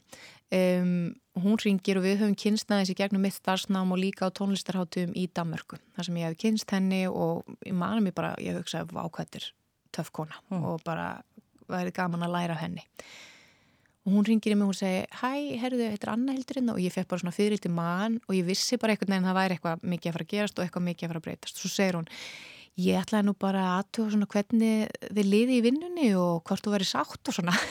Það er alveg skrítin spurning. En ég segði henni bara eins og var ég segði bara, heyrðu, ég, ég ég er að gera góða hluti en þetta er ekki það sem ég ætlaði mér. Þannig að bara ég er alveg reynskilin með það þá sagði hún, hún alveg, ég er nefnilega að búa til stöðu, ég er að leita fjármagni til þess að geta borga launin en ég sé þið fyrir mér í því starfi. Og það var sem, sagt sem verkefnastjóri hjá útón Já. og þannig að ég man á þrítus ammælstæði minn þá hérna, fekk ég fund með frangatastjóri alþjóðhúsins og var svona ég er með góða fréttir og mislæði með fréttir. Og með uppsagnabrifið hérna, tilbúið. Og bara ég sagði góða fréttinar eru þær að ég er búin að fá bara draumastarfi núna á þessu mómenti en ég þarf að segja upp. Já. en ég hef búin að finna staðgengil í mitt starf þannig að þetta var bara mjög, gekk bara mjög svona smúð og, og þá byrjaði ég í tónlistabransan en fylgdi því Kamila að vera hérna, verkefnistjóri hjá úttón, fylgdi því að búa á Íslandi eða áttur að vera bara, hvernig var það? Uh, Anna Hildur bjóð þessum tíma í London Já. þannig að uh, ég var á Íslandi en það fylgduði mikið ferðalög þannig að ég fór reglulega hérna, utan hvort sem að var, það var mest í Evrópu og Norðurlöndunum og svo var það líka, var námskeiðahald bara þá var auðvitað líka allt þetta staðræna að koma svo mikið inn að tónlistamenn, ég menna nú er þetta allt bara, það er bara allir að streyma tónlist á, á, á netinu, það var ekki þannig og, og, og tónlistafólk var ekkit endilega með eitthvað mikinn og stóran presens á, á internetinu. Nei, og þarna hugsa maður sko, þarna eftir hrunið, Mm. þá samt fóru, fóru þeir sem voru svona horfið svolítið fram á veginn, svolítið í þennan gýr að einhvern veginn vekja svolítið aðtekla á því hvað við getum gert annað, við vorum ekkit rosa flinki í bankastúsinu, er þetta ekki svona rétt lesið hérna, Algjörlega. Og það er líka bara neyðin kenni naktri kona spinna og bara ef við erum ekki klári fjármálum með að reka banka í hverju eru við góð? Íslandikar eru mjög skapandi og það er mikil svona gróska í, í öllu hér listalífinu. Þannig að það var kannski svolítið fókusin settur á það og Anna heldur vann líka mjög ödul starfi að kynna bæði tónlistarbransan og, og, og skapandi greinar á Íslandi sem eru þetta bara bara mjög mikið, bara miklu afreks fólki já, þar. einmitt. Og áður við tökum pásu, Mm. uh, þú ert þarna í einhver ár og svo til Æsland Erfifs, eða hvað? Já, sko meira sá tímbili var ég bæði að vinna hjá Æsland Erfis og útón. Já. Þá fór ég börnátt, sko. Já, en var Æsland Erfifs á þessum tíma, var það líka svona svolítið einhvern veginn alltaf fara í gang, eða?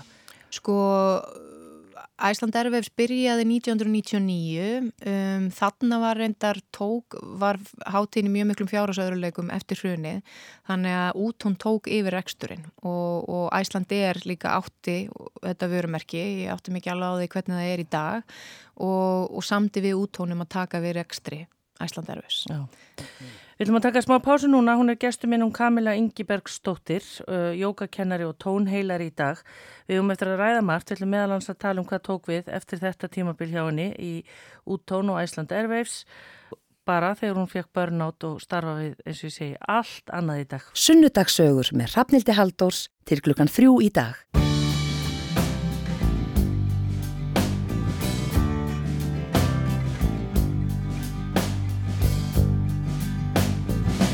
Tracing the days from your past, sketching the stars on your back,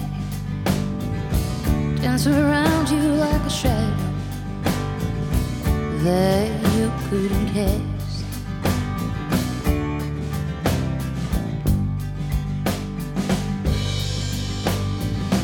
I can compete with her eyes, tucked away under stormy skies.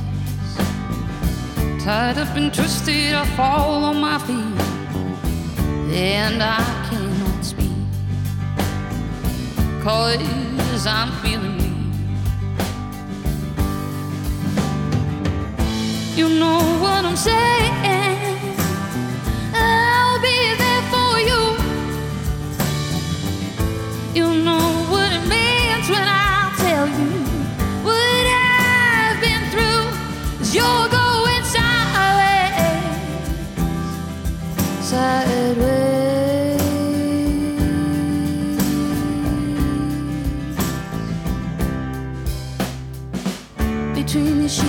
We lost.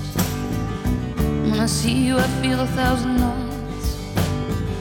Tied up and twisted, I fall my feet. And I can't sleep. Cause I'm feeling weak.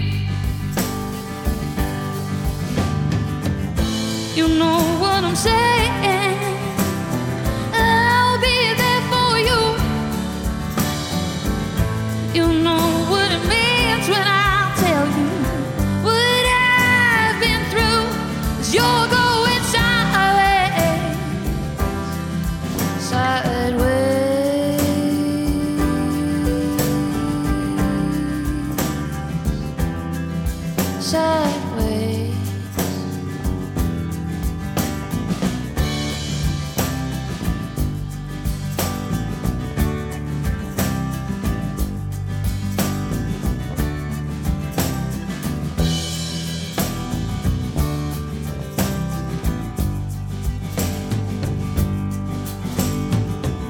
listening to this old track, and I ain't never coming back. Tied up and twisted, I fall on my feet, and I cannot speak. Cause I'm feeling weak. You know what I'm saying.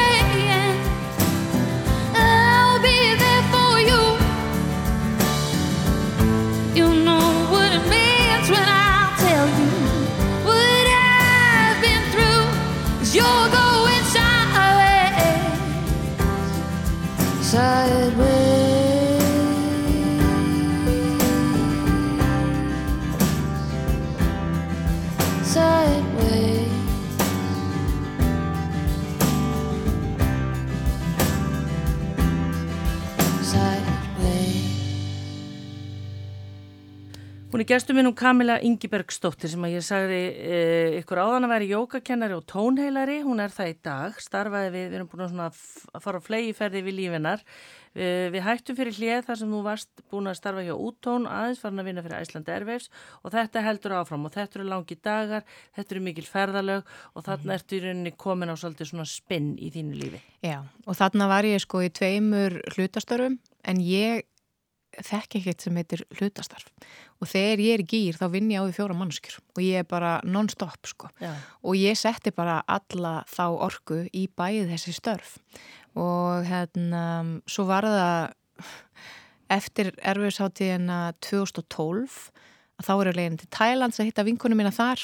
Og var auðvitað bara búin á því og var komin í eitthvað svona, þú veist, eitthvað sem ég var kannski ekki alveg tilbúin að horfa horfast í augun á við en flýð til Thailands og svo er ég bara ég er bara ónýtt, þú veist, og sef eiginlega ekki þarna fyrstu dagan og svo er ég bara komið með svima og þegar ég var búin að vera með svima í fimm daga og sagði vinkonum minn bara, já, já, nú förum við með þig á sjúkrás og ég enda á einhverju svona enga klíniki hann á söðu Tælandi í bara með vökvaði æð og bara ég vissi ekki hvað ég hétt líkuð, ég var bara alveg út úr því sko. Og læknum minn hétt Yang Yang, ég mani til því. Fannst það pinnfundi og þar var ég í 24 tíma og, og bara einhvern veginn svo var ég bara útskrifuð en var samt bara svo máttfarin. Þannig að þetta ferðalag mitt til Thailand er eiginlega svona í móðu þetta voru tvær vikur sem voru bara svona eil í móðu. Mm. svo kem ég heim algjörlega svona búin á því að þreytu og einhvern veginn, ég er bara svona eins og litlu börnin, ég er bara sopna á henni í kvöldmati minn og bara allir mínu nánustu höfum miklar áhyggjur af mér og svo var ég inn og út hjá læknum og ekkert fannst að mér varstu náður að sinna vinnunni eða tókst Ég þér alveg? varla og svo man ég, sko, ég man eftir einu mómenti og það var þegar að Marta vinkona mín kom í heimsótt til mín. Hún stoppaði mjög stutt hjá mér og svo s- sá mér eftir á, hún hefði bara farið út í bíl og farið að gráta út og, og, og ringdi mömmu sína út af við erum æsku vinkonur og þe- þekkjum auðvitað fjölskyld hver aðra sem sagði henni að ringi mömmu mína og þetta var svona byrjurinn á því að ég þurfti bara að fara að átta mig á því að ég væri komin í Já. og ég gæti ekki haldið áfram eins og ég var að gera Mm. og Marta sagði við mig setna meir, hún sagði bara Kamila ef ég þekkti ekki betur þá hefði ég haldið að þú væri bara okkur læknadópi út að ég bara talaði og það kom bara eitthvað bull út um mér Já, hugsaði þér. Já. Ertu þarna búin að starfa líka fyrir Of Monsters and Men? Nei, Það áttu eftir að koma eftir á. já, En ég meina þetta er einhvern veginn, þú veist, þegar fólk lýsir því að Mhm. labba á vegg eða keira á vegg, mm að þá er þetta svona, þú bara, það fungerar ekki neitt. nákvæmlega Já, og það var líka málið eins og fyrir mig og ég hef alltaf, ég er alveg upp í, á mjög andlu heimili og búin að stunda jóka öll þessi ár, fór á mitt fyrsta huglislu náski fyrir áratug síðan og það hefur alltaf verið eitthvað hluti af mínu lífi en þarna þurfti það bara, sálin mín var líka bara, þú veist, og líka minn bara og allt mitt var bara svona, jæja, það er bara komið flott. Mm. Lífi snýst ekki um það að vera bara alltaf vinnandi og, og ég einhvern veginn áttaði mig á því, ég var bara svona pyrru og leiðileg tí- típa sem gaf mér ekki tíma í neitt. Ég gaf mér ekki tími að spjalla við fólk, ég gaf mér ekki tíma að staldra við og var bara komin á okkur svona yfirsnúning sem ég átti bara mjög erfitt með að komast af. já, Og það var sko, svo var ég bara eiginlega, Grímur Allarsson var yfirmaður minn hjá Æsland Erfist þá, ég var kynningastjóri og vann hjá honum og, og var auðvitað líka að vinna hjá Útón og þá var Sigtryggur Baldursson hérna, yfirmaður minn þar, hann tók við á hennu hildi og ég sagði við Grím, ég sagði bara Grímur, hérna, það sem ég vil gera er að koma í fullt starf hjá Æsland Erfist, ef þú getur látið að gerast þá bara er það frábært en ég get ekki haldið svona fram. Nei. Og það varð úr og hérna, en svo var það líka þegar hann sendi mig í veikindalegu mjög þakklátt fyrir hann og bara hvernig hann höndlaði þetta allt líka út af því að þú veist, hann veitti mig fullkomin skilning sko. Og hann veit líka hvernig ég vinn og hann veit alveg hvað ég var góðu starfsmæður en þá voru við eitthvað tíma á okkur Skype-fundi og ég er alltaf bara svona alveg bara frek, frekar aðtugul og tek vel eftir og er svona með á nótunum. Ég var bara svona fann að halla fram á borði og eiginlega bara lá bara með svona vangan á borðinu og áttaði mig ekki eiginlega á því, ég var bara svo þreytt. Mm. Og eftir það þá, þá sagði hann bara, já já Kamila, nú ferð þú bara í frí og góða var, þetta var eftir erfisháttina það var ekki álagstími þá, við höfum alveg tíma þannig að þannig að sé svona að gæsalöpa að koma á góðum tíma og einmitt eftir að Marta kom til mín að það var bara svona ákveðið svona hérna, wake up. Já. já. og hún sagði líka við mig, hún sagði bara ég ætla eitthvað að fara okkur að hjalta lín tónleika hann um kvöld og hún sagði bara Kamila, þú ert ekki að fara neitt í kvöld og hún sagði þú er bara ekkert að fara neitt næstu tvær vikur. Og ég alveg, ok. Og hún báða bara grátandi símanum þú veist, og þetta var þetta mjög erfitt að horfast í við þetta líka. Já, út af því að alveg svo þú sagðir í byrjun bara þú varst kamli og erfið og núna, þú veist, núna er ég kannski eitthvað kakokamil eða eitthvað þannig, maður, maður er alltaf rosa tengdu við vinnuna sína. Já, já. og ég upplifði mjög mikið svona út að ég hef bara verið hörð við mig og, og krefst mikils af sjálfur mín í gegnum tíðina og bara frá ég var barn að þegar ég gati ekki unni bara kuslegs auðmiki var ég eiginlega og pluss það að við erum Íslendingar og það er bara hérna vinnargöfga mannin Já, og já. hann er svo duglegur þessi og, og þessi spurning þegar maður hittir einhvern veginn blessar, er ekki alltaf brjálega að gera höður ég menna, ég bara þegar ég fæ þessa spurningu núna, ég horfi á fólk og, bara, og segi bara nei sem betur fer já. og ég reyna að hafa ekki brjálega að gera Já.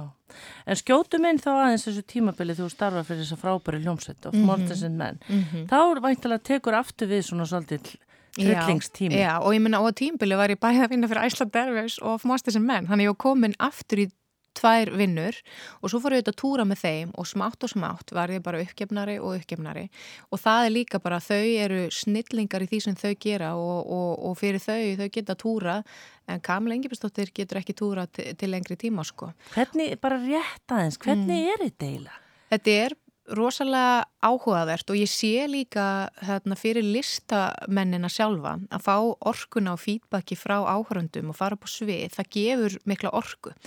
En svona þeir sem eru að vinna bak við tjöldin fá í rauninni ekki þá orku. Þannig að, og þetta var bara mjög mikil vinna með indislu fólki og kynntist frábæru fólki og mun aldrei sjá eftir þessu fór, fór á staði sem ég annars hefði aldrei líklega heimsótt. En þetta algjörlega snýtti mér sko. Já, en, en að vera svona, þú veist, pínu bara með fræga fólkinu og aðalstjörnunum og þetta lítur að. Eða hvað? Já, ég meina, jú, auðvitað, en frækt fólk er líka bara fólk, sko. Já, já. og, og þegar maður er líka þreyttur og búin á því að þá hefur maður kannski ekki eins mikla ánægi að því að vera upplega okkur svona Nei. að þá ma- það maður bara hafa sér alla við til að þrauka daginn En voru partístönd, var partí? Nei, þetta eru bara svo góðu krakkar skilur eða Já. gott fólk, þau eru ekki krakkar Nei. en ég er auðvitað krakki, ég er Já. alltaf eins og þessu 15 ára skilur Þannig að það var ekki einhver hluti af þessu. Nei, en ég minna það er og, og ég skil það eftir að túra þá skil ég það hjá svo mörgum hljónsutum þegar fer út í eitthvað svona djam og sukk út af því fólki bara reyna að þrauka þú veist hérna, mögum og fjölskyldu ef, ef því er að skipta þú veist og hérna að þá skil ég að sumi leiti í flöskuna eða vímöfni eða eitthvað þannig bara til þess að, Haldið út. já, Já. þú veist, ef ég, hérna, eða, nei, ég segi það nú ekki, en þetta var bara, ég, og núna er ég allavega um þessa mundir, meðan mér þykir það skemmtilegt og meðan það bara kveikir ljósina með mér, er ég bara að lifa miklu rólegra lífi. Já. Þó svo ég ferðist ennþá, en það var líka svo áhugavert að það tvent sem ég elska, tónlist og ferðalög, ég var hægt að elska. Já, einmitt. Ég var bara búin að tapa gleðinni Já. Og það, það var bara eitthvað sem ég áttaði mig síðan á. Og með þess að vinur minn benti mér á það, hann sagði bara, Kamla, ertu ekki bara búin að tapa gleðinu svolítið? Og ég bara, jú. Já, en hérna hefur alltaf verið ein eða hefur ekki stofnað til fjölskyldu eða... Ég meina, ég á ekki börn en ég hef átt kærasta hérna í gegnum tíðina en ég er búin að vera mikið einn sko. Amma mín hefur mjög mikla rákjur að því. En ég meina, var það einhvað sem þú bara vildir ekki í þessu stressi öllu? Það hefur verið rosa flókið. Já, ég átti kærasta á tímbili meðan ég var að túra og svona en það gekk ekki upp og svona en ég er bara, mitt motto er svolítið betra er aukt rúm en illa skipað. Og ég er ekki svona manneski, ég hoppa bara ekki nefnilega í samband bara út af því að eitthvað, þú veist, það þarf að vera eitthvað rosa djúft og, og mikið til þess að ég sé tilbúin að, út af ég líka ég kann rosalega vel við að vera ein með sjálfur mér og á stundu bara aðeins svo gott með það sko. Já, þannig að ég get bara, nú er ég auðvitað flutt upp í sveit skiluru, byrja einu upp í sveit ég get bara verið bara wise woman in the woods, skiluru Kamila með geiturnar eða eitthvað. já, nákvæmlega ég með geitur elskar að knúsa Já, já. En hérna við skulum tala núna síðustu mínúturnar um bara síðan þá, síðan þú ákveðu bara algjörlega að taka lífið þitt og snúið við. mm -hmm. Þú ert búin að fá áminningar, það er bestu vinir búin að horfa á þig og segja, heyri, þetta gengur ekki svona áfram. Hvað nákvæmlega var til þess að þú fórst á þennan stað sem þú ert í dag? sko ég held að það veri bara ég get ekki alveg kannski bent á eitt þetta var bara svona röð aðtöka og það kom bara að einhverjum tímpunkti þar sem þetta var bara búið, þú veist. Og ég tók mér frí í hálft ár og þá hugsaði ég bara, ég ætla bara núna að finna út hvað ég ætla að gera. Og ég búin að sapna með pening út af þegar maður er að túra og maður er ekkert að, að eigða pening. Og þá kom kakó inn í líf mitt, reynd kakó frá Guatemala Hvernig kemur það inn lífmanns? Ég fór í svona kakodans, ég hefði heyrt svolítið, þetta var svona, svona pínu underground, þá sko og þá hefði heyrt eitthvað kakodans og ég hrindi í mákunum mín og sagði bara nú kemur þú með mér og hérna, þetta var sko, ég var nýkomin af túr, algjörlega búin á því og fyrir hérna kakodans og svo í slökun og ég fann bara og ég elska að dansa og ég bara, ég drekka ekki, ég neyt ekki vímöfna, ég drekki eins og kaffi, ég bara, hérna, og þarna bara fann ég eitthvað svo góða svona hjartatengingu og ég var líka komin á þann stað þar sem að ek ekkert komur á óvart lengur. Ég var orðin bara svolítið svona flött. Mm. Þannig að gerist eitthvað, bara hjarta mitt galopnaðist, svo laðist ég niður í slökuna og slökun eftir á og ég bara grét og grét og grét og ekkert eitthvað út af lífmynd þessu ömulegt eða eitthvað svona út af einhverju sérstöku. Ég fann bara að þetta var algjör hreinsun og losun. Mm. En kakódans, Kamila, Já. hvað er það? það er bara að dansa og drekka kaka á undan og, og líka bara dansa í ljósinu ekki í myrkrinu á, á, hérna, á skemmtistað þar sem allir eru druknir og þú veist, ég get ekki eins og nenni ekki á skemmtistað lengur, ég nenni ekki fullu fólki. Nei. bara, ég vil bara vera í ljósinu. Og þess vegna einn bara dansa með kakóbollan? ég meni, ég bara dansa mikið heima mér og syngu með sjálfur mér og svona. En það sem að gerist, ég var búin að gráta svo mikið að fór ég að byrja bara að brosa og hlæja og svo gati ég ekki hægt að hlæja. Og þannig vissi ég bara, ég er bara, ég þarf að vita allt um þessa kakoböðin sem ég get. Og nokkrum vikur setna var ég búin að bóka mína fyrstu ferð af mjög mörgum til Guatemala skipuleg núna ferðaranga fyrir hópa fólks veist, ég er búin að fara með 80 mannsanga á undarförnum árum Mm.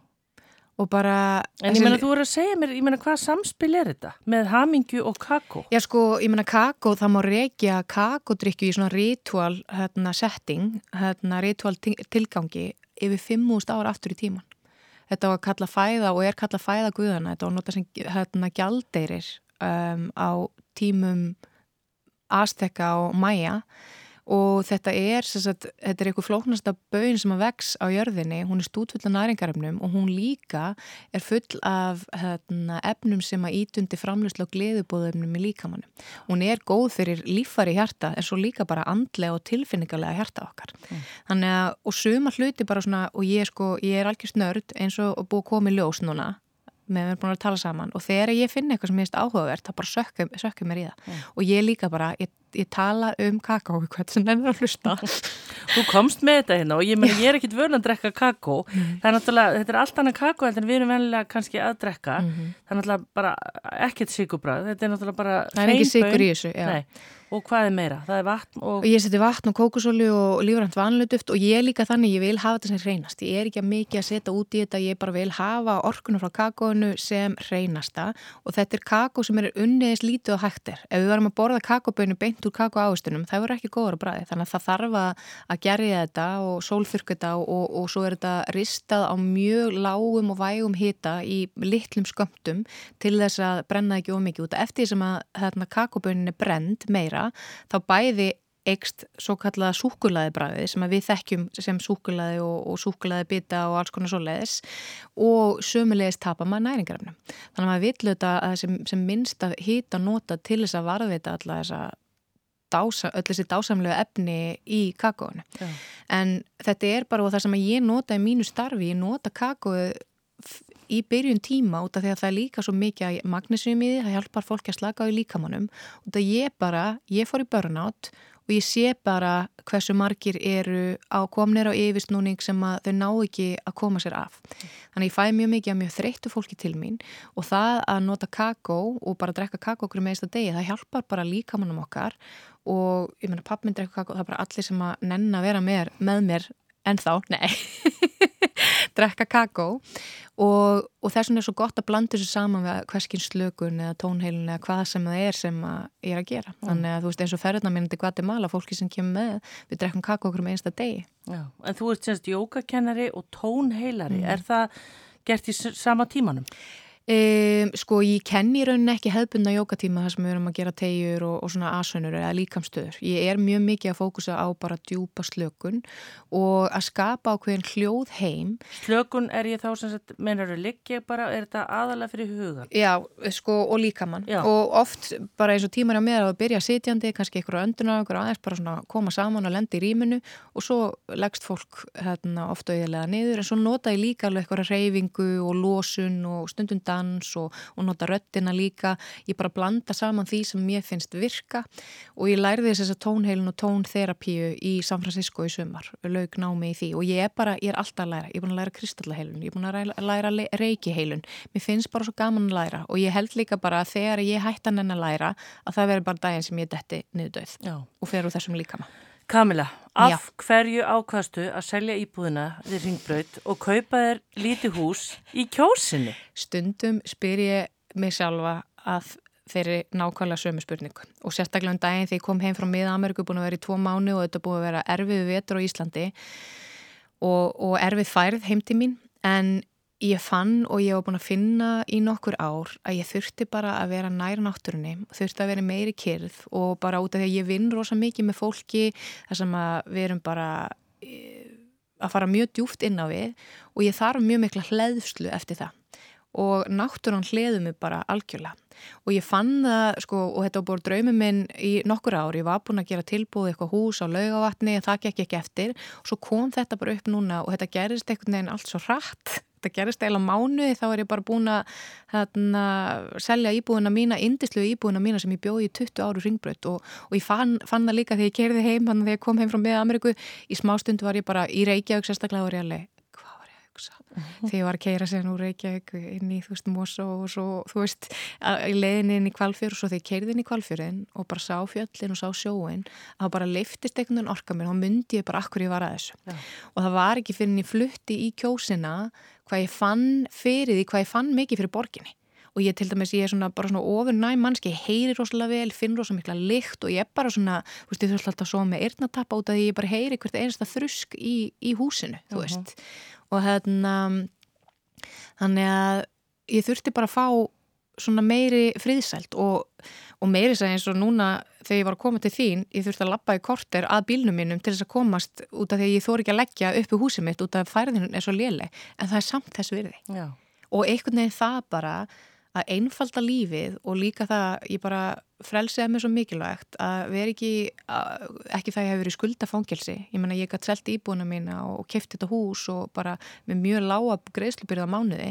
En það bara veitir mér svo auki frelsi til þess að gera það sem að bara gleði mig já, einmitt. Hefur þú séð fyrir þér, bara svona rétt í lokin, mm. Kamila, að einhvern veginn þurftur að fara leiðina sem þú fórst til að lenda á þessum stað sem það ert í dag? Af því að maður hugsa, það er svo margir sem einhvern veginn spinnast áfram í lífinu og svo bara bum og þá eru þau komin á þennan stað. Þetta er ótrúlega góð spurning og ég spyr og ég er auðvitað búin að gera svo margt og pröfa mig svo mikið áfram og, og bara og svo áttaði maður þegar ég horfði tilbaka allt sem að ég hef gert upp að nákvæmlega þessum tímpunkti bara þegar ég horfa á þig núna það hefur tilgang. Og allt sem ég gerði í tónlistabransanum það hefur hjálpað mér í mínum fyrirtækjarekstir núna og það að vera uh, sjálfstæð. Og, og líka það sem að gerist sem að ég kannski þegar maður er í mómentinu lítur á sem eitthvað neikvægt ég fann að venja má að spyrja bara hvernig er þetta gjöf? Hvernig er þetta gjöf? Og stundum er ég bara eitthvað, hvernig er þetta eiginlega gjöf en alltaf get ég séð eftir sem ég fjarlæðist það meir og meir hvernig það er gjöf. Þannig að öll áföll og við erum, við erum bara hérna til þess að læra. Við erum hérna bara til að elska. Við erum hérna til þess að, að æfa okkur í að vera bara manneskjur. Og, og þess vegna er svo gott líka ofta að taka sjansa. Og ég hef tekið mjög marga sjansa og oft farið bara mjög langt út fyrir þægendaramann skilur eins og til dæmis að selja bara ást, ástkjara íbúinu minna í Vesturbænum og kaup mér hús í kjósinni ég bara, en vá hvað það þess virði, að þóra þig Já, einmitt. Og svo væntalega erfið vetur núna en þá líka bara leið og fyrir að vora og sumari það er nú ekki eins og að ræða það. nákvæmlega Hvílíkt á sem það er. En hérna, þannig að þú ert sátt í dag. Hvar ertu með námskeið ef að fólk hefur áhuga eða hvað? Það, maður bæði lesa allt um kakóið og bara það sem ég er að gera og mér sjálfa inn á kakó.is Já, og það er nóg af lesefni, ég Mhm. fór sjálfinn á þetta hérna og það er og ég segi, þessi saga er mögnuð. Þannig að þú ert, Kamila Ingebergsdóttir, þú ert sátt í dag. Leið, bara- ert, aldrei, ert aldrei hérna hrætt eða einmanna í kjósinni? Nei, og ég bara er rosalega glöð en ég er líka alltaf bara að, að leifa gleðin að leiða mig áfram og ég, ef ég finna að það er eitthvað ekki rétt þá verð ég bara að breyta Mm Þetta eru loka orðin. Kamila Ingebergsdóttir, jókakennari og tónheilari, takk fyrir komina í Sundasjór. og takk fyrir mig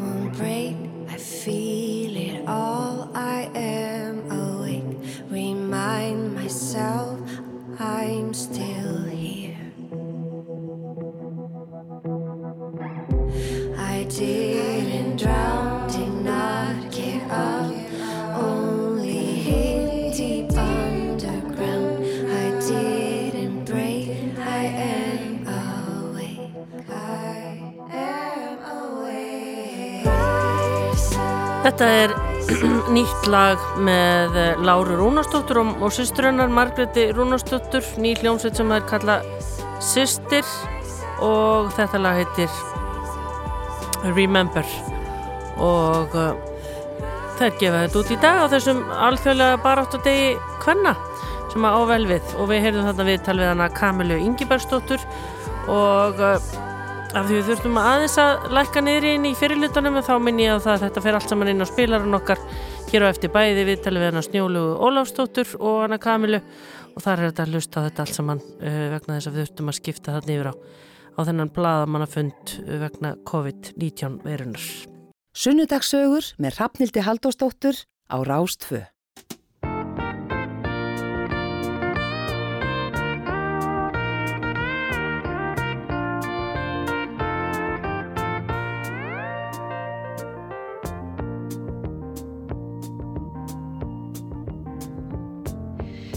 Such a feeling's coming over me. There is wonder in most everything I see.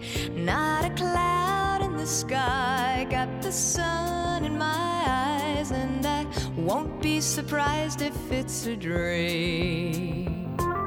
Everything I want the world to be is now coming true, especially for me. Is clear it's because you are here. You're the nearest thing to heaven that I've seen.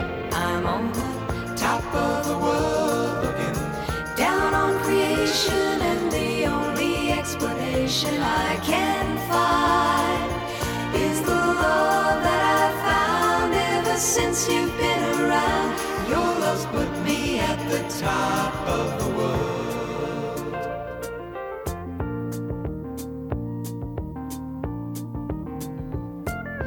Something in the wind has learned my name, and it's telling me that things are not the same. In the leaves on the trees and the touch of the breeze, there's a pleasing sense of happiness for me. There is only one wish on my mind. When this day is through, I hope that I will that tomorrow will be just the same for you and me. All I need will be mine if you are here. I'm on the top of the world looking down on creation, and the only explanation I can find is the love that I've found ever since you've been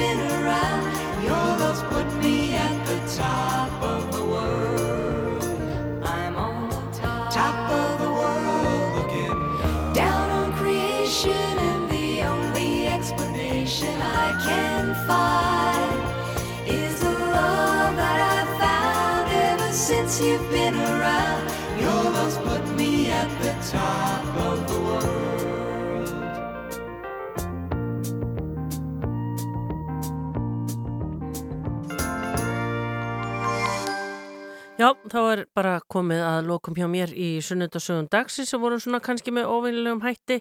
Minni á það að hann er með vennilegum hætti inn á spilaranum okkar inn á rúf.is Það er rétt aðeins að segja ykkur það er tímaflekki hérna núna klukkan þrjú með uh, Felix og Möggu Blöndal og svo Rokklandið hans Óla Palla. Og þar er uh, Páll Óskar í aðalutverki Uh, síðan ætla ég að segja ykkur af því að uh, í kvöld þá er auðvitað fréttir veður og íþróttur á landi og svo er það hljómskólinn, svo er það Ísalög, þessi frábæra þáttaröð og svo er það franskir bíódagar, það sem koma skal, heiti myndin í kvöld, um heimsbyggi kennar á miðjumaldri sem það er að endurhugsa lífsitt þegar eigimaður hennar skilur skindilega við hana.